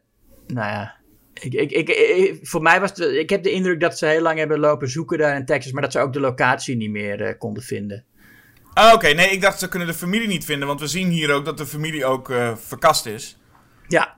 Ze hebben wel wat dingen me meegenomen vanuit dat huis en vanuit het bos. Maar komen zo nog op. Hmm. Maar um, in principe is de familie, is, uh, uh, nou ja, heb ik voor mijn gevoel, was de familie in ieder geval gevlucht. Maar... Ja, nee, dat, dat zou kunnen. Dat, oh, nou, dat, want dat is een beetje, dat hoort een beetje, zoals ook elke Star Wars film nu begint met die text scroll, moet een Texas Chainsaw Massacre ook beginnen met zo'n text scroll. Hmm. Dat, dat is meer een, een, een dingetje. En dan ja, openen we met... dit keer geen hippies, dat was in de jaren 70 dus, waren de hippies waren aan de beurt. En nu zijn het meer de juppies. Ja. Jaren 80. De juppies zijn aan de beurt. Ja, en uh, ja, dus dan weet je meteen al dat we in de jaren 80 zitten. Ook aan uh, de, de mode die ze dragen en de muziek die ze luisteren. En mm. wat meteen opviel is, is ze zitten een beetje te giechelen zoals de, de, de familie in deel 1. Vooral zoals, Ja. zoals die lifter. Ja, Ze zitten allebei te giechelen en ook een beetje, ja, nodeloos geweld. Of ja, geweld. Ze schieten op, eh, op borden. Met eh, eh, eh, eh, de Battle of the Alamo. Hè, de, zeg maar die, die, die eh, ehm, heel belangrijke slagen die geleverd zijn in Texas. de, de historie van Texas wordt daar eigenlijk kapot geschoten. Door die, door die rijke juppen. we mogen meteen een hekel aan hen hebben. Hebben we ook, maar het is gewoon meteen van... Je mag een hekel aan hen hebben. Ze gaan, we gaan echt niet de hele film met hen meeleven. Zij zijn gewoon die twee die aan het begin eh, eraan gaan. Ja. Maar ze zijn wel ook de link om even ons hoofdpersonage eh, aan ons voor te stellen. Stretch. Mhm. En ehm, die, die dus een radio-dj. Een radio-dj met wel een... een, ja, een ik, vind, ik vind persoonlijk een nogal lastig systeem. Als je een telefoonsysteem hebt waarbij je de ander moet ophangen. ja, ik weet was dat toen echt zo? Nou, dat geloof Dat ik niet. Dat lijkt, me, dat, lijkt, Het lijkt me heel sterk. dat lijkt me... Nee, dat lijkt me echt niet, niet kunnen dat je een systeem hebt bij... Nee, zij moeten ophangen, anders dan, eh daar, daar kun je niet meer gebeld worden. Dat, dat is een, eh, voor, het, voor, het, voor het plot is het nodig, want eh, hè, ze, moeten, eh, eh, ze wil nog opnames krijgen van het feit dat die twee doodgaan. Wat ik ook niet 100% per se zie als nodig, maar eh, dat heeft ze nodig. En daarom hebben ze dus het idee van, ja, nee, dan moeten we een reden geven dat zij niet ophangt. Ja. Nou, da- daar waren ook voor andere dingen voor te bedenken, denk ik. Maar ze heeft er nu van, nee, zij moeten ophangen. En dan zie je haar LG, zie je haar, de, de- die, die technicus, die zie je ook proberen met, ja, Ja. ik krijg dit niet voor elkaar. Het is ook moeilijk, joh. Zij, ja, nee, hij is gewoon de, de slechtste technicus aller tijden, denk ik. hij, hij, hij weet gewoon dat knopje niet te vinden. Hij zit met Nee. die draden daar te lopen, maar er moet er gewoon een knopje zijn. Ja, maar dat je überhaupt een knopje hebt met, nee, eh, zij moeten ophangen. Wij kunnen niet ophangen. Dat vind ik raar. Ja. Maar, nou ja, het, het, het, het, het, het schijnt zo te zijn. Waardoor er opnames bestaan van twee juppies die afgeslacht worden door Leatherface. Ja. Niet, niet zo lang voordat we hem leren kennen. Het is meteen, of voordat we hem voor het eerst zien. Nee, hier is hij meteen. Hoppakee, gaan we. Nou ja, niet, niet zozeer meteen, want eerst zien we een soort lijk verschijnen. Het is niet helemaal duidelijk eh, wat dat Ja, precies dat- is. We weten, we weten heel goed wat het is. Ja. Dat is, eh, dat is de lifter. En we komen erachter dat hij Nubbins volgens mij heet. Nubbins Oh, Sawyer. ik, ik heb me dat nooit gerealiseerd, dat dat lijk, dat Leatherface daar Dat lijk, is, eh, dat lijk is de lifter. En je ziet ook, want je kent de poster van de Texas Chainsaw Massacre 2. Dan doen ze eh, de Breakfast Ja. Club na.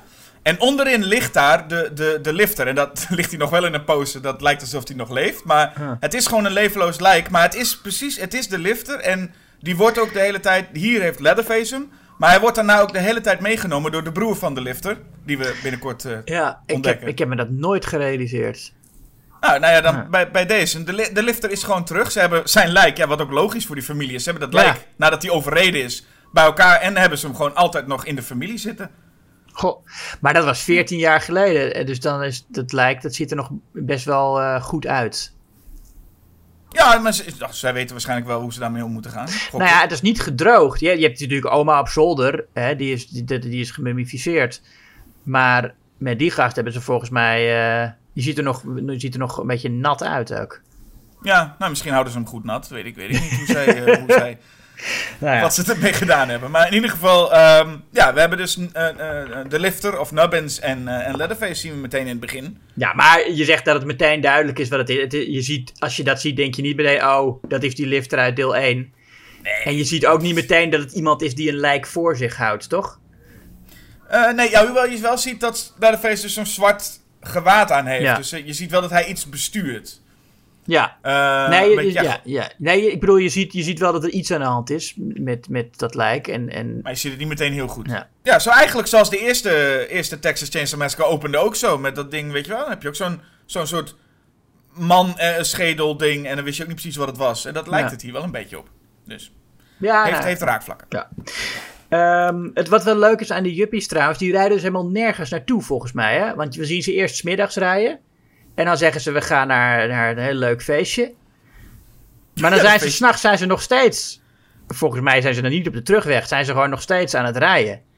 Ja, En ze zeggen ook on the road to nowhere. Dus ze zijn gewoon echt eh, eh, ja, nergens naartoe aan het gaan. Wat misschien ook wel commentaar van Hooper is op nou, die, de cynische sfeer van de jaren tachtig. Van we rijden heel hard, maar we gaan eigenlijk nergens heen.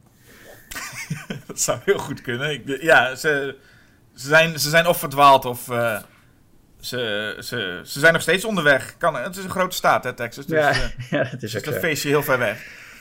Maar, ehm, en, en ja, zij worden omgebracht. En dan, doordat dat, die gebeurtenis, krijgen we onze, onze grote held. Komen we tegen. Yes. Lefty Enright, oftewel Dennis Hopper. En dat is toch, dat is toch een bijzonder jaar voor Dennis Hopper, hè, 1986. Ja, Blue Velvet en deze. En een Oscar-nominatie voor eh Hoosiers, Oh ja. uitspreek. ja. Dus het was een beetje, het, ja, het is een beetje de terugkeer, het terugkeerjaar. Dennis Hopper was er natuurlijk eh, al wel met Easy Rider, maar Hmm. hij had toen een tijdje. En nu, nu, dit was wel echt volgens mij het jaar waarin hij terugkeerde. Nou denk Ja. ik dat zijn Oscar-nominatie en zijn rol in Blue Velvet meer bijstaan, maar dan eh, de- zijn rol in The Texas Chainsaw Massacre 2. Maar ik vind het fantastisch dat hij erin zit. ja, zeker. Dit is, eh, eh, ja, het kon, kon eigenlijk niet missen deze. Nee, deze en hij, hij neemt het ook helemaal, hij neemt het gewoon serieus. Dat is het fijne. Dat hij niet eh, probeert een beetje over de top te gaan. En zegt van, oh, het is een horror comedy, dus ik ga een beetje... Die badass ga ik echt zo als een heel stoere gast spelen. Nee, nou, hij, hij speelt natuurlijk wel een stoere gast, maar niet, niet over de top. Nou, niet, niet. Hij, hij speelt net zo over de top als iedereen, geloof ik. En dat is juist nee, goed, ik vind hem maar- relatief rustig vergeleken met de familie. Nou, dan gaan, we, we komen nog bij het einde hoor. Komt goed. Eh, of sterker nog, er zit het... Nee, we, daar komen we nog wel op. Wat ik wel leuk vind, is dat je hebt dus Dennis Hopper in de tweede film. Want eigenlijk, als je de eerste film kijkt... Dan heb er, geen, er zit geen acteur in zoals bij... Er zit geen Jamie Lee Curtis in. Of Johnny Depp. Of eh, Kevin Bacon. Weet je wel? Een, een Mhm. acteur die doorgebroken is daarna. Nee. Eh, wat in al die andere horrorfilms wel zat. Ehm, ik bedoel, ik, ik weet niet of jij nou we- weet wat Kirk eh, tegenwoordig doet. Nee, geen idee, nee. Nee, maar het is inderdaad nu zo dat je hebt deze film heeft, heeft, heeft Dennis Hopper, deel 3 heeft eh, Viggo Mortensen, deel 4 heeft Matthew McConaughey en Renee Zellweger. Zo Ja. van, de, de, de grote namen zitten wel in deze reeks, maar later. Ja, En, en Dennis Hopper was al natuurlijk een grote naam. En, ehm, maar hij, is- hij, ja, het is de ster van de show. Maar eigenlijk zijn de sterren van de show zijn die, eh, de terugkerende familie. ja. En ik vind het vooral heerlijk hoe, hoe dus die... die ik- en ik heb ook heel veel mensen gehoord die zelfs, wat jij had het bij de lifter, wat ik me heel goed voor kan stellen, dat is een kleine knipoog. Maar ik had best wel veel mensen die niet meteen door hadden dat Drayton Sawyer, de man die de prijs wint bij de Texas-Oklahoma Chili Cook-Off, dat dat die man was uit de eerste film. Ja, terwijl dat volgens mij wel de bedoeling is dat je zodra je hem ziet opdagen, dat eh door hebt, toch? Dat is een beetje echt zo'n zo'n mooie reveal. Ja, volgens mij, volgens mij is dat wel de, de bedoeling. Maar ik kan, me het, ik kan me het wel voorstellen dat je niet op een of andere manier meteen die link legt. Het is natuurlijk een heel Ja. ander soort personage wat hij eigenlijk... Hij speelt wel een beetje op dezelfde manier, maar... Ja, en ook als je die film tien jaar geleden gezien hebt, weet je natuurlijk ook niet meer hoe die man er precies uitzag. Nee, nee. Dat is, het is, wat dat betreft, Jim Zidow is ook niet een, een grote acteur geworden. Hij is vooral bekend van deze rol. Ehm, maar ik vind het leuk, een manier hoe, hoe je zo'n personage terugkrijgt. En dat dan de manier wordt dat hij... eh, weet je wel, hoe gruwelijk en heftig dat einde van die eerste film dan was. En meteen ga je door naar de Texas-Oklahoma Chili Cook-Off. Waar hij dan wint. En je zo'n grapje krijgt met dat hij wint en zegt van... Oh ja, mijn vlees, ja, je, dat is... eh, je, je, je moet veel aandacht hebben voor vlees. Ja, dat is, dat is dan geestig. Ja, en het is ook leuk omdat het. Hooper zegt dat dit dus echt een film over de jaren tachtig is. Ehm, het is echt leuk om te zien dat inderdaad dat, dat zo'n man die in de jaren zeventig nog op een, op een boerderij zit en waarvan je denkt die heeft helemaal niks met, eh, met de rest van de wereld te maken. Dat zo iemand en, en die, die, die, die, die mensen vermoordt en opeet, dat zo iemand in de jaren tachtig een succesvol zakenman kan worden. Ja, precies. Eh, dat hij eh, nou, in, in de jaren van Reagan opeens kan floreren als small businessman. Die wel klaagt dat de small businessman altijd genaaid wordt. Ja, uiteraard. Maar toch, Drayton Sawyer, beetje American Dream wel hoor. Ja, ja precies. ja, absoluut. En goed, jij zegt Dennis Hopper, ah, is best subtiel. Ik, ik zeg niet subtiel, ik zeg niet subtiel. Ik zeg dat hij het serieus neemt. Nee, je zegt hij is niet, oké, je zei, Dennis Hopper, zeg jij, is niet over de top.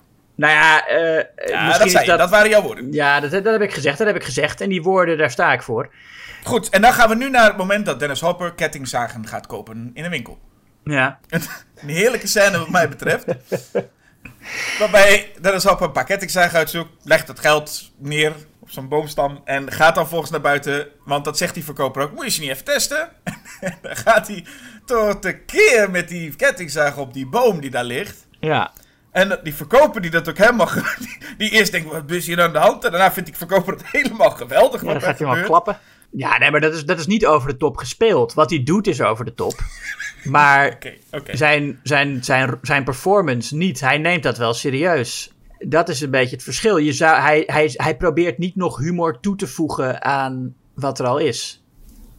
Nee, dat is, daar, daar, heb je, daar heb je helemaal gelijk. hij, hij is geen Jim Carrey, bedoel ik.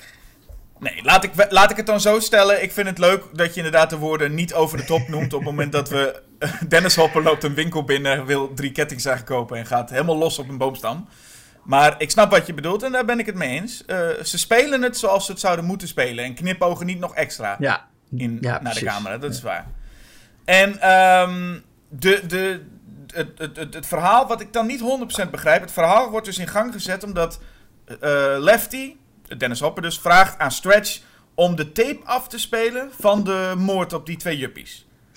ja. Want hij weet, als ik de tape afspeel, dan, gaan de, dan, dan komen de daders wel naar de radiostudio toe. En die begreep ik niet helemaal, want dat gebeurt ook. ja. Maar ik snap die beredenering niet helemaal. Waarom zou je, want het enige wat op de radio volgens te horen is, zijn kettingzaaggeluiden en... eh, ja, wat is het nog meer? Eh, Geschreeuw. Schreeuwende Ja. juppies. Ja, het, ik denk dat het is een beetje een soort doofpot kwestie volgens mij. Dat de mensen daar die, die denken, ja, het is weer een bizar ongeluk. En, en, die, en, die, en, die, en, die, en die stoppen alles een beetje weg. En die eh, geloven niet of willen niet geloven dat er echt zo'n moordende bende eh, rondrijdt. Ehm, dus hij zegt, Lefty zegt tegen Stretch van, speel het nou af, dan gaat, de, de, dan gaat de politie tenminste een keer in actie komen. Want als iedereen dat hoort, dan kunnen ze niet meer ontkennen dat er echt iets aan de hand is. Wat ook een beetje onzin is, want je zou zo'n tape natuurlijk makkelijk kunnen faken, maar goed. Ehm, dat, dat vertelt hij tegen haar, maar eigenlijk wil hij inderdaad dat die mensen naar de studio komen. Ehm, ik denk dat, dat, eh, eh, ehm, dat, dat, dat de familie er ook zich van bewust is dat de politie niet echt achter hun aan zit. En als ze dan die tape horen, dan denken ze: nou ja, er is dus iemand die ervan weet. Eh, die moeten we even een kopje kleiner maken. Ja. En dat plan werkt inderdaad ook. Gelukkig maar, dat werkt, werkt dat plan. Maar het is inderdaad een beetje discutabel of dat nou echt Ja. een reden is voor de familie om... Want de, de, de, Drayton wordt gebeld ook, terwijl hij aan eh, eh, aan het rijden is, is, is een vleeskar. En wordt hij ook gebeld, zeg maar, van... Hé, hey, je moet nou naar de radio luisteren. Daar is die kettingzaag van Leatherface is te horen. Toen denkt oh, jullie oeden. Hij heeft een beetje... Ik krijg een beetje de baron van Bastinalia gevoel bij die twee daar. Ja. Met drommels, drommels, jullie. En dan moeten ze... Ga naar die radiostudio. Zou ik willen dat hij die telefoon nog in tweeën breekt. Dat, nou, dat zou... Het had best gepast, Ja. eigenlijk. En... eh, en dan komt, komen we in de, eh, een van de sterkste scènes wat mij betreft, komt eh, in de radiostudio, komt Stretch, de nieuwe lifter eigenlijk tegen. ja. Chop Top, ja, hij is dus de tweelingbroer. ja, de tweelingbroer van, eh, van de lifter, gespeeld door Bill Mosley. Hij zat in En- Vietnam tijdens de eerste film. Ja, en de, de, het is wel leuk, Bill Mosley, dat is een klein beetje achtergrondvallen. Bill Mosley speelde ooit in een Texas Chainsaw spoof, namelijk de Texas Chainsaw Manicure. En dat was gewoon een kleine rol in een spoof en daar speelde hij de lifter. En Toby Hooper zag dat en vond het zo grappig dat hij ooit zei van... "Oh, als ik ooit een vervolg ga maken, dan mag jij de lifter spelen, want dat, eh, dat doe je goed. Nou, en dat is dus ook echt zo gebeurd. Eh, hij ging het vervolg maken en hij dacht, ik ken nog een goeie die... eh, nou ja, dezelfde energie als de lifter wel ongeveer heeft. Ja. En, en, en, en ja, Bill Mosley speelt hier die, die Chop Top. En dat is een hele fijne scène waarbij ze... Ja, en dat vind ik ook fijn aan Stretch. Stretch is eh, bang, uiteraard, voor deze rare gast. Maar ze is ook wel een sterk personage, vind ik hier. ja. Nou, sowieso die hele film. Ze blijft eh, eh, nou, goed nadenken in elk geval. Ja, en hier wil ze hem ook gewoon weg hebben. En dan, dan nou, ze, het is een beetje een ongemakkelijke situatie. Omdat er zo'n vent ineens zit die dan zegt: Ik wil graag een verzoekje aanvragen. En dan wil ze hem eigenlijk bang maken of wegkrijgen. Maar hij zegt: Nou, geef me dan op zijn minst een rondleiding. En dat doet ze dan ook om zo snel mogelijk hem kwijt te raken. En ondertussen heb je gewoon zo'n eh, zo'n hele rare gast met een heel raar gebit. Die dan net met zo'n kleerhanger eh, aansteekt en dan zo zit te krabben. Ja, dat is eh, voor mij het meest smerige in de hele Texas Chainsaw Massacre scène. Zijn de momenten dat hij zo in, aan, in- aan aan dat stuk huid dat zo bij... Hij heeft een metalen plaat op zijn hoofd en er zit zo'n stuk huid omheen. En dat hij met dat haakje zo in die huid zit te pulken.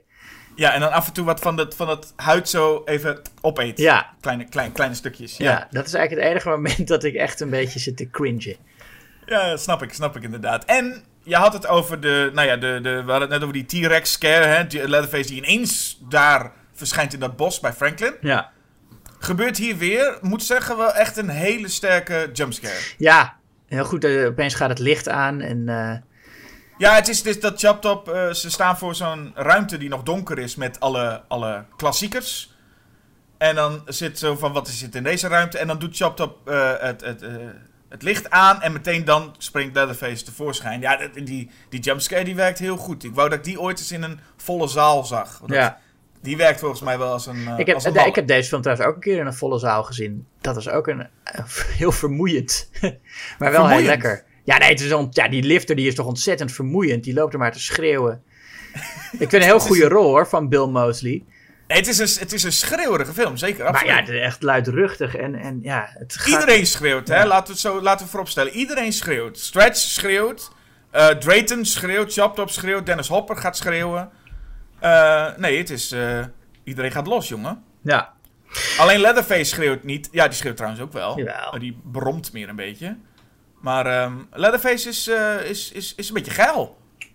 Ja, dat zien we hier. Nou ja, dat is eigenlijk de, de, de meest duidelijke metafoor aller tijden volgens mij. Er, zijn- er wordt heel Ja. veel gepraat natuurlijk in de, in de filmkritiek over de penetratie met het mes en hoe dat een, een, een verkrachtingsmetafoor is in films als Halloween en Friday the 13th. En nou ja, dat is hier natuurlijk duidelijker dan ooit en ook heel duidelijk bewust. Ja. Ehm, dat eh, eh, Leatherface haar. Je, je denkt op een gegeven moment van, oké, nu is het wel duidelijk. En dan gaat het nog verder. Hè? Dan zit hij echt met die, met die kettingzaag gewoon in de kruis te poeren. En proberen hem aan de praat te krijgen. Want het is natuurlijk een impotentiescène. Dat hij die kettingzaag niet aankrijgt terwijl, eh, te- terwijl hij daar zit. Nee. En dan wordt hij inderdaad ook op een gegeven moment boos. En dan gaat hij daarna nog een beetje zo met zijn heupen heen en weer bewegen met die kettingzaag voor zich. Ehm, nee, het, is, het, is, het was vrij duidelijk wat ze bedoelde, ja. Ja, en zij dat- vraagt dan ook nog: Are you mad at me? Dat, vond ik, vind ik, dat vind ik echt een perfecte eh, regeldialoog. Dat hij haar Ja. probeert te vermoorden, Annex verkrachten met die, met die kettingzaag die niet aangaat. En dat zij dan zegt: Are you mad at me? Ja, en zij is ook wel, dus zeiden, zij is ook wel een redelijk slim personage. Het is niet alleen maar Ja. schreeuwen en verdedigen. Het is ook dat zij volgens mij wel ergens ziet, deze, deze man heeft iets van een beperking of iets, er zit iets in deze man waar ik wel mee kan communiceren. In tegenstelling tot een chop top die, waar volgens mij minder mee te praten valt dan. Ja, En dat doet ze goed. ja.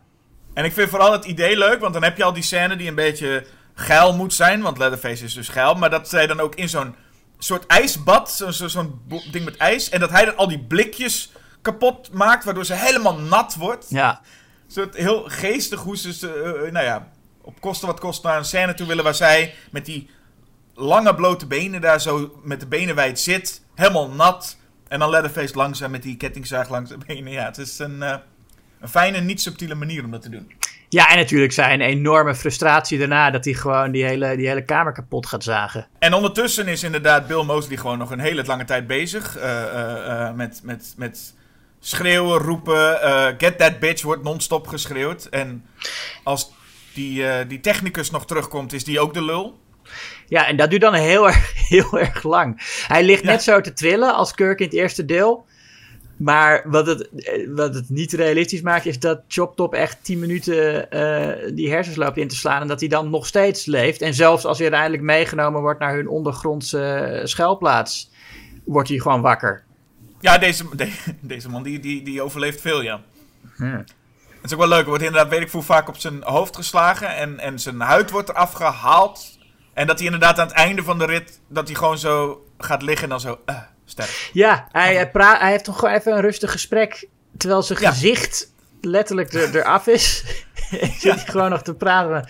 Ja, nou ja, oké. Het, het, het, het idee is hier dus dat ze. ehm, nou ja, volgen en weten waar de... Want dat is Lefty's, hè, Dennis Hoppers plan. Lefty wil weten waar ze zitten. En dan blijkt ook, en daar had je ook misschien niet snel gezocht... Ze, eh, in plaats van een een of ander verlaten boerderijtje... zitten ze nu in, de, in een soort verlaten attractiepark. Ja. ja, eh, bedenk dat ook maar eens. Ja, Texas Battleland heet het toch? Ja, Texas Battleground. Ja. Ja, da- dat is een nieuwe, nieuwe vestiging. En een van de grappigste scènes vind ik... De, de, eh, eh, Lefty gaat een heel lange tijd achter Stretch aanrijden. Ze zijn dan met z'n tweeën daar.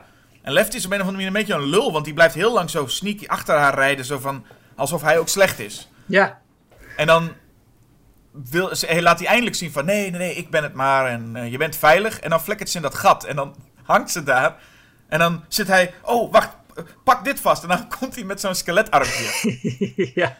Zo, pak dit maar vast, pak dit maar vast. En als het dan kapot breekt, dan valt zij echt heel ver naar beneden. En dan zie je Dennis Hopper nog even zo kijken met... Oh, wat, wat raar dat dit kleine skeletarmpje niet werkt. ja.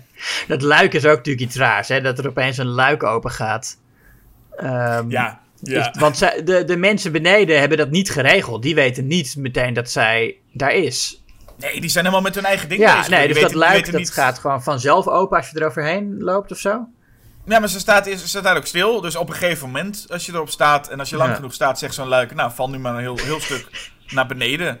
Ja. Want dat is het. Het is, niet eens dat, het is niet eens het attractiepark. Het is een soort ondergrond onder het attractiepark.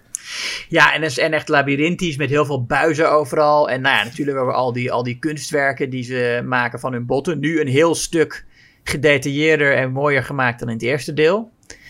Ja. Ze hebben echt goed hun best gedaan.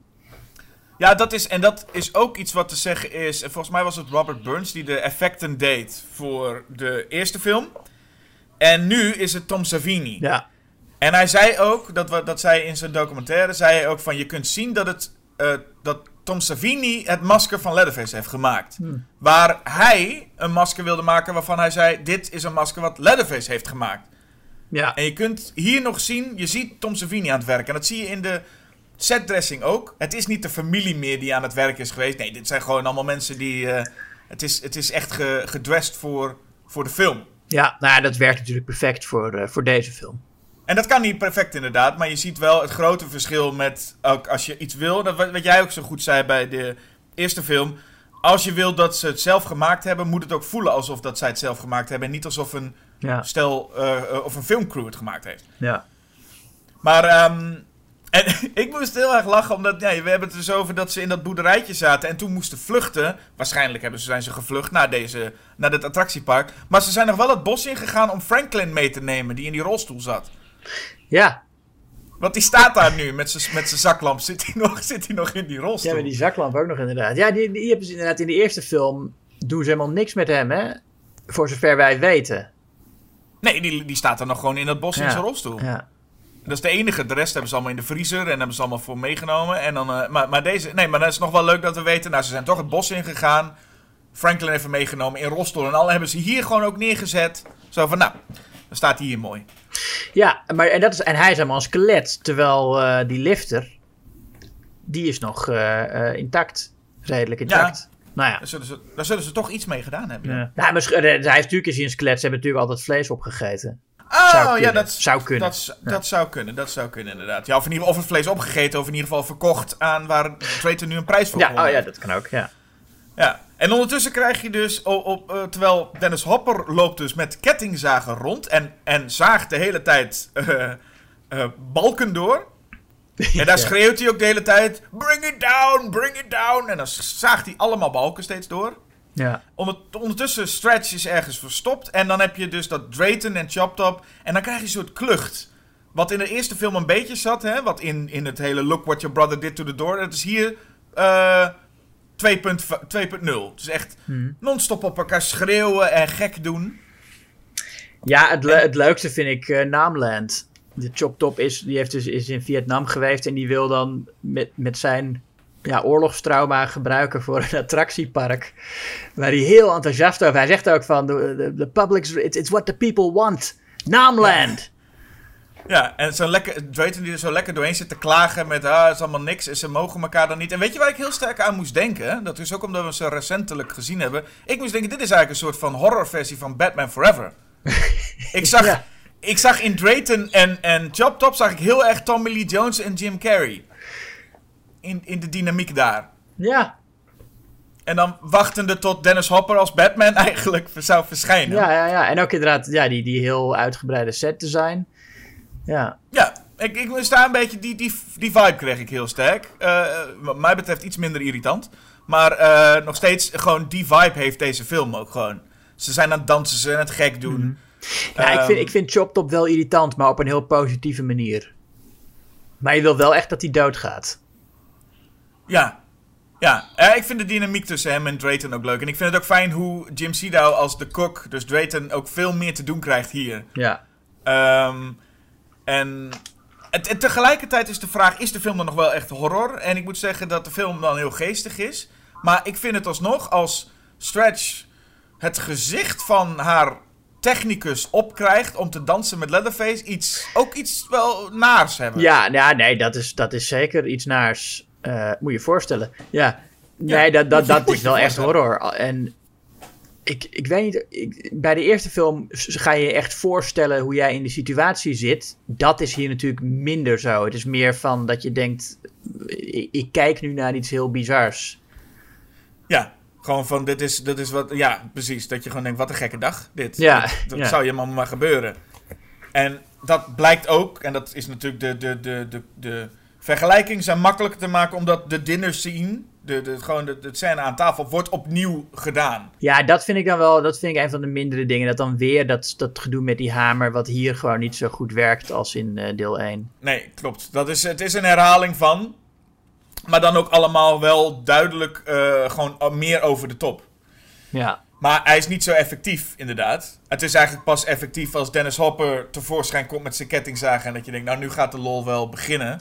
Of eigenlijk was de lol al lang begonnen. Maar ik vind het, het principe, het concept, gewoon iemand die ooit opgeschreven heeft... Ik wil Dennis Hopper tegen Leatherface laten vechten met kettingzagen. Ja. Dat is, dat is, dat is- als een soort lightsabers zijn ze aan het vechten. Dat Ja. is toch mooi? Ja, nou ja, en als je dat in echt probeert met twee eh, kettingzagen, dan wordt het natuurlijk helemaal niks. Ik bedoel, die, die gaan allebei meteen kapot als je die tegen elkaar aanhoudt. Maar eh, eh, niet dat dat de kritiek is op de film hoor. Maar eh, nee, dat is, dat is, dat is hartstikke, goed. Hartstikke goede scène. En, en Leatherface die blijft nog verrassend lang leven met een kettingzaag door zijn buik. Ja, ketting, ja, precies. Het is ook gei, het is ook een beetje dom. Maar het is zo lekker slapsticky hoe het eigenlijk uiteindelijk misgaat. Opa gooit, wil een hamer gooien. Hè, opa wil zich er nog een keer mee bemoeien. Maar we weten al vanuit de eerste film en ook deze dat opa niet zo goed met hamers is. Ja. En opa wil een hamer gooien, gooit het per ongeluk tegen Leatherface aan. Leatherface valt en raakt Drayton. En die heeft net uit de lifter een, een handgranaat gepakt en alles ontploft. Ja. Gewoon echt, gewoon, eh, iedereen is dood, einde. Ja, ja, behalve Stretch en, eh, en, eh, en Chop Top natuurlijk. Ja, die hebben nog even een, een, een, een, een- Maar je mist het ook bijna. Je hebt ook het gevoel, en dat is ook een feit, dat het budget van Toby Hooper is ingekort tijdens het maken. Dus ik heb ook het gevoel dat hij misschien voor het einde nog iets in gedachten. Want het is hier nu ook wel boom weg. Ja, maar je ziet die explosie niet eens. Je, je ziet die handgranaat en je weet, oh, die gaat ontploffen. En dan ben je meteen bij Stretch en zie je en hoor je een soort knal en zie je wat, wat licht in die buis. Maar je ziet niet. eh, je, Je ziet iets van rook, eh, de- terwijl zij op een trappetje rennen. Zie je wat rook voorbij komen. Dat is Ja. het. En je kunt nog de hele tijd afvragen, oh, komen ze nog terug? Eh, gebeurt er nog iets? Maar nee, zij zijn met z'n twee alleen over. Ja. En, ehm, en wordt het, eh, eh, ja, nog even een laatste kleine gevecht. Wat ik nog wel een hele toffe stunt vond. We hadden het over dat die lifter, hoe die onder die vrachtwagen kwam. Hoe Chopped op hier naar beneden wordt geflikkerd en door die buis valt. ja, dat is geweldig. Wat een goede stunt is dat. Ja, ik heb eh, niet te geloven eigenlijk. Hè, hoe dat, want het is zo. Het ziet, er heel, het ziet eruit alsof het heel chaotisch gaat, maar het moet heel secuur gebeuren. Want als je met je hoofd tegen de rand van die buis aankomt, dan ben je gewoon dood. Ja, en ik, ik zat nog te denken van, moet dat dan niet een pop? Maar het is geen pop. Nee, het is geen pop. Het is echt een. eh, ik heb er een paar keer gekeken, die scène eh gisteren. Ja, ik dacht ook, wat een stunt is dat? Dat is echt eh, bijzonder. Ja, Nou, krijgen we nog even de laatste dans. Hè? Stretch danst even. Ik weet niet waarom, maar het is gewoon leuk om te eindigen met... ja, nee, dat is geweldig dat zij, dat zij die dans doet. En het, het lijkt een beetje op de, op de Leatherface dans. Daar is natuurlijk ook een verwijzing naar. Maar ze is wel, zij is wat preciezer in haar, eh, in haar dansmoves. ja. Dat vind ik ook leuk. Dat zij ze heeft echt best wel een, een leuk choreografietje bedacht, lijkt het. Ja. ja. Wat, Ja. wat er ook mee te maken heeft trouwens, dat, de, dat eh, eh, hoe heet die actrice, Caroline Williams? Williams, ja, dat, dat zij ehm, niet zo goed met kettingzagen om kon gaan. Of ze, ze had nog nooit de kettingzaag gebruikt. Eh, dus ik denk dat het daarom ook dat ze wat voorzichtiger is dan Gunnar Hansen, die in die eerste film gewoon rondjes draait met die kettingzaag. Ja. Eh, zij wilde dat eigenlijk niet doen, die scène. Ze zei tegen Toby Hooper van, nou die kettingzaag, dat, eh, dat wo- wordt mij wat... dat, ik heb nog nooit de kettingzaag vastgehouden, dus ik wil dat helemaal niet. En dan zei eh, Toby Hooper, zei, heeft toen gezegd van, eh, nou dan, dan rot je maar op. Of zo. die was nog steeds een lul. Ehm, dus zij heeft dat toen wel gedaan. Maar ik denk dat we wel zien dat zij... eh, nou, ja, wat, wat voorzichtiger is dus. En daarom ook wat preciezer met hoe ze die kettingzaag beweegt. Maar ik vind het heel goed werken. Ja. Ja. Nou, ik vind het ook goed werken. Ik vind alles goed werken eigenlijk. Dus dat, vandaar dat het... eh, Ja, en het is ook een film die wel bewijst dat het... Heel veel mensen zeggen dan over de eerste Texas Chainsaw Massacre... van kijk, eh, suggestie werkt veel beter om iets eng te maken... want dat vul je dan in in je hoofd. Maar soms... Dat, dat is soms zo, maar het is soms ook gewoon zo dat je het wel moet laten zien. Ehm, en dit is niet een film die eng is, Texas Chainsaw Massacre 2. Het is, het is vooral een comedy, maar het is wel ook echt een horrorfilm... in die zin dat hij heel ja, heftig en uitputtend is en, en best wel intens. En, het, en ja, als ze dat gezicht op haar gezicht krijgt, dat is echt een gruwelijk moment. Juist omdat het zo expliciet is. Ja, het is, het is hierbij ook dat het. wa- Wat in de eerste film ook is, is dat Toby Hooper op een soort van lijn beweegt. Het is heel moeilijk om net tussen eng en, en, en, en schokkend en misschien komisch. En hier doet hij eigenlijk hetzelfde weer. Dan veel komischer. Ja, Maar alsnog is hij, is hij heel goed dingen wel een beetje in balans aan het, aan het houden. Hij weet echt wat voor film hij aan het maken is. Terwijl, en dat is dan nog, nog extra knap vind ik, het feit dat iedereen wil dat jij de Texas Chainsaw Massacre nog een keer gaat maken. ja. ja deze film werd ook heel slecht ontvangen, ook door fans van de oorspronkelijke. En ik heb het idee dat de reputatie de laatste jaren wel wat is gegroeid. Ja, deze valt een beetje in de categorie eh, Halloween 3, Nightmare eh, on Elm Street 2. Films die, films die destijds echt, echt werden neerge... eh naar de grond gelijk werden gemaakt, die wel weer wat... Een cultstatus noemen ze dat dan een beetje, maar... Ja, omdat we nu ook weten wat we kunnen verwachten. Natuurlijk, als je Michael Myers wil zien, dan eh, weet je wel, dan zit je bij Halloween 3 van wat de fuck is dit. Maar nou weet iedereen dat. Ja. Dus wordt die veel meer op zijn eigen termen gekeken. En mensen hebben nu gezien, wat ik al zei, dat die hele Texas Chainsaw Massacre, elke film willen ze toch weer terug naar die eerste film. En dat werkt dus bijna nooit. Dus het is Ja. ook duidelijk dat je dat ook niet hoeft te doen. Je krijgt zulke inwisselbare films, dan snap ik dat je dan nu kijkt en denkt, dan is dit ook een verademing. Ja, nee, het, kan ook, het heeft helemaal geen zin om terug te gaan naar die eerste film. Dat kan helemaal niet. Dus je, je moet eigenlijk wel die mythologie verder gaan uitbouwen op een gegeven moment. Maar dat kan ook weer niet zonder dat je het belachelijk maakt. Dus maak het dan maar gewoon expres heel belachelijk en over de top. Ja, en ik vind het ook daarin extra leuk, want dat doen ze in deel 4, The Next Generation, wat een, een vrij slechte film is, doen ze het ook. Maar hier ook nog eh, fijn dat hij ook de personages, dus ook, eh, en ook de acteur Jim Siedow gewoon terughaalt. En niet zegt, ik ga allemaal een hele nieuwe cast, gewoon helemaal een nieuwe groep, maar dan heel raar. Maar het is ook gewoon echt een vervolg. Ja. Ik, eh, ik moet trouwens denken aan, aan de trailer van Halloween Kills die laatst is verschenen. Nou, die heb ik niet gezien. Oh, nou, ik, ik, zal, ik zal niet te veel erover zeggen, maar, maar, Maar- daarin kreeg ik ook wel het idee dat ze. ehm, ze, ze er wordt meteen mythologie toegevoegd in die trailer.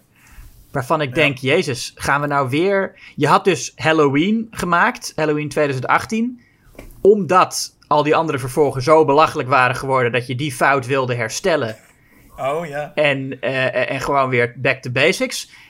Maar dan ga je in het vervolg meteen alweer eh toch weer die, die, die, die, die, die, die Thor-cult kant op eh, eh, haast. Eh, ik, Oh, ja, daar, er werd echt iets gezegd waarvan ik dacht, hè? Want ze zeggen op een gegeven moment, zegt eh eh, Laurie Strode dat Michael sterker wordt hoe meer hij moordt. Dat dat, dat dat hem zijn kracht geeft. Ik dacht dat van, wat, zijn jullie nou aan het doen? Dit is precies wat je niet wilde met die eerste film. Nee, het, het, voelt dat, het voelt soms een beetje alsof mensen maar één film normaal kunnen doen. En daarna zitten ze dan Ja. bij een script van... Ja, wat moeten we nu? Secte dan maar? Eh, Ja, nee, dan ga je nu? inderdaad toch, ja, toch, toch maar weer dat, hè? Het zou me niks verbazen als, in- als in die laatste Halloween-film opeens weer eh druides erbij gehaald worden en alles. En ik, je ziet het aan, nou laten we zeggen, The Nightmare on Elm Street 2, Friday the 13th 2, eh, eh, Halloween 2. Het zijn films die echt wel een kopie, of nee, niet precies een kopie, soms zijn ze ook wel iets beter, maar gewoon wel doen wat hun vorige film deed. nou, Nightmare 2 niet. Nou, natuurlijk gaat het, ik bedoel, qua toon en... en nee, maar het is- idee dat dat Freddy nu bezit neemt van iemands lichaam en dat hij niet... Nee, maar het is niet alsof, eh, zeg maar, het is niet dat hij van Nightmare 1 naar Freddy's Dead ging. Nee, bedoel nee, nee, de, dat is de, waar. de toon, de sfeer, want, want Friday the 13th 2 is een hele goede film. Eh, beter dan de eerste film. Ja. Maar het is een...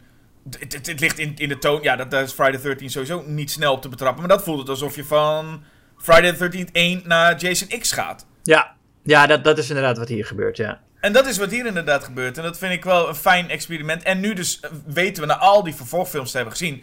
is dit ook een verademing, deze tweede Texas Chainsaw Massacre. Maar goed, dus dan moeten we kiezen. Ehm, we hebben al heel veel erover gezegd en heel veel positieve geluiden. Maar nog even één keer, Julius, waarom moet dan deze Texas Chainsaw Massacre 2 weg? Ja, omdat deel 1 gewoon beter is, Jasper. Het is, ik vind ze allebei eh, heel mooie, intense eh, en ook op, op hun eigen manier effectieve films. Maar nee, Texas Chainsaw Massacre is gewoon een meesterwerk. Daar, daar, daar komt niks overheen. Ja, dat is ook eigenlijk wel gewoon zo, hè? Ja, Alsnog, want ik snap het en het is ook wel zo. En Texas Chainsaw Massacre is ook een van mijn favoriete horrorfilms wel. Het is ook echt heel goed, maar... Ja, hoe vaak zie je nu dus Dennis Hopper met kettingzagen tegen Leatherface vechten? En het is wat we net omschreven, klinkt heel stom, maar wat we net omschreven met die vervolgfilms... is het wel zo'n verademing dat ik denk, nou... eh, dat Texas Chainsaw Massacre 2 toch wel ook wat uniek in zijn soort is. Ja, een perfect vervolg, dat is wel waar. Ja, en dat moet toch wel. Ik denk, als je de vergelijking zou moeten maken. De Texas Chainsaw Massacre is eigenlijk als een heel sterk goed huwelijk. Maar Texas Chainsaw Massacre 2 is een soort fantastische one-night stand. Ja, en dan, ja. Wat moet je dan kiezen? Dus, ja. nou, ik weet niet of ik die metafoor helemaal eh, begrijp. Ik weet ook niet wat ik ermee wil zeggen. Ik wil vooral, denk ik, zeggen. Ik kies voor de Texas Chainsaw Massacre Voor, 2. voor de one night stand tegen Nee, maar het is toch. Ja, het is, het is, eh, het is genieten. Dus. ehm, maar het is met pijn in het hart. Ja, snap ik, snap ik, snap ik. Maar in de volgende aflevering wordt het wel iets moeilijker, vind ik. Oh ja? Nou, ik, Hoezo? ik vraag me wel. Ik denk dat het publiek wel gaat denken van. eh, Oeh, dat is een moeilijke keuze. Ja, maar vertel dan eens welke keuze. Nou, welke keuze? We gaan het eh, hebben over vampiers. En dan gaan we het hebben over Fright Night tegen The Lost Boys. Ja, tweemaal eh, jaren 80 vampiers. En eentje waarbij we dan in tegenstelling tot eh, eh, Batman Forever wat positief kunnen zijn over Joel Schu- Nou, trouwens, ik was bij Batman Forever heel positief over Joel Schumacher. Maar waarin hopelijk ook jij positief gaat zijn over Joel Schumacher. Ja, en we blijven in de sferen van Texas Chainsaw Massacre 2 met komische horror. Ja, dus het, ja, alles, is, eh, alles ligt open. Maar goed, ik wil de luisteraar alsnog wel vragen, zoals we elke keer doen. Welke zouden jullie kiezen? Texas Chainsaw Massacre of Texas Chainsaw Massacre 2? Maar ik weet ook het antwoord voor een groot deel wel. Maar laat je als liefhebber van deel 2 nou nog gewoon even horen. Hè? ja, dat is waar. Je laat, laat je horen, schrijf het op een kaartje, stuur hem op. Precies. En doe ook nog wat andere dingen, jullie. Wat moeten ze ook weer allemaal nog doen? Een beetje iets met, iets met sterren geven en zo, hè? Abonneren en sterren geven. Ja, ik weet niet waar je allemaal sterren kunt geven, maar op welke app je het ook luistert, ehm, geef de, de rating die die, die, die app eh, eh, eh, heeft. En laat ook reacties achter en reviews en zo. Dat is allemaal leuk en goed. En het, en het, en het, helpt, het helpt ons met, met meer luisteraars krijgen. Precies. En stuur gerust eens een bericht of een comment waarin je suggesties geeft voor... Hé, hey, nee, de besprekers deze twee films. Ja, zo kregen we. Nou ja, we gaan dus Friday Night en Lost Boys doen. En dat idee hadden we al. Maar toevallig kreeg ik vanochtend een mailtje van David die daarom ook eh, eh, verzocht. Ja, nou, zo zie je maar weer. Zelfs voordat jij eh, als luisteraar een suggestie hebt ingegeven, gaan wij hem waarschijnlijk al doen. Moet je nagaan. Ja, ja. Alsnog, nou, dan horen we graag van jullie. En eh, zou ik zeggen, bedankt jullie voor deze. ja, dankjewel Jasper. En dank jullie wel luisteraars. Die vooral natuurlijk. Eh, die hebben het zwaarste werk gedaan. En dan zou ik zeggen, tot de volgende keer. Doei. Strange things happen. Strange things happen. Come on, Franklin. It's gonna be a fun trip. I'm the Lord of the Harvest. Who's that? Some new health food bunch?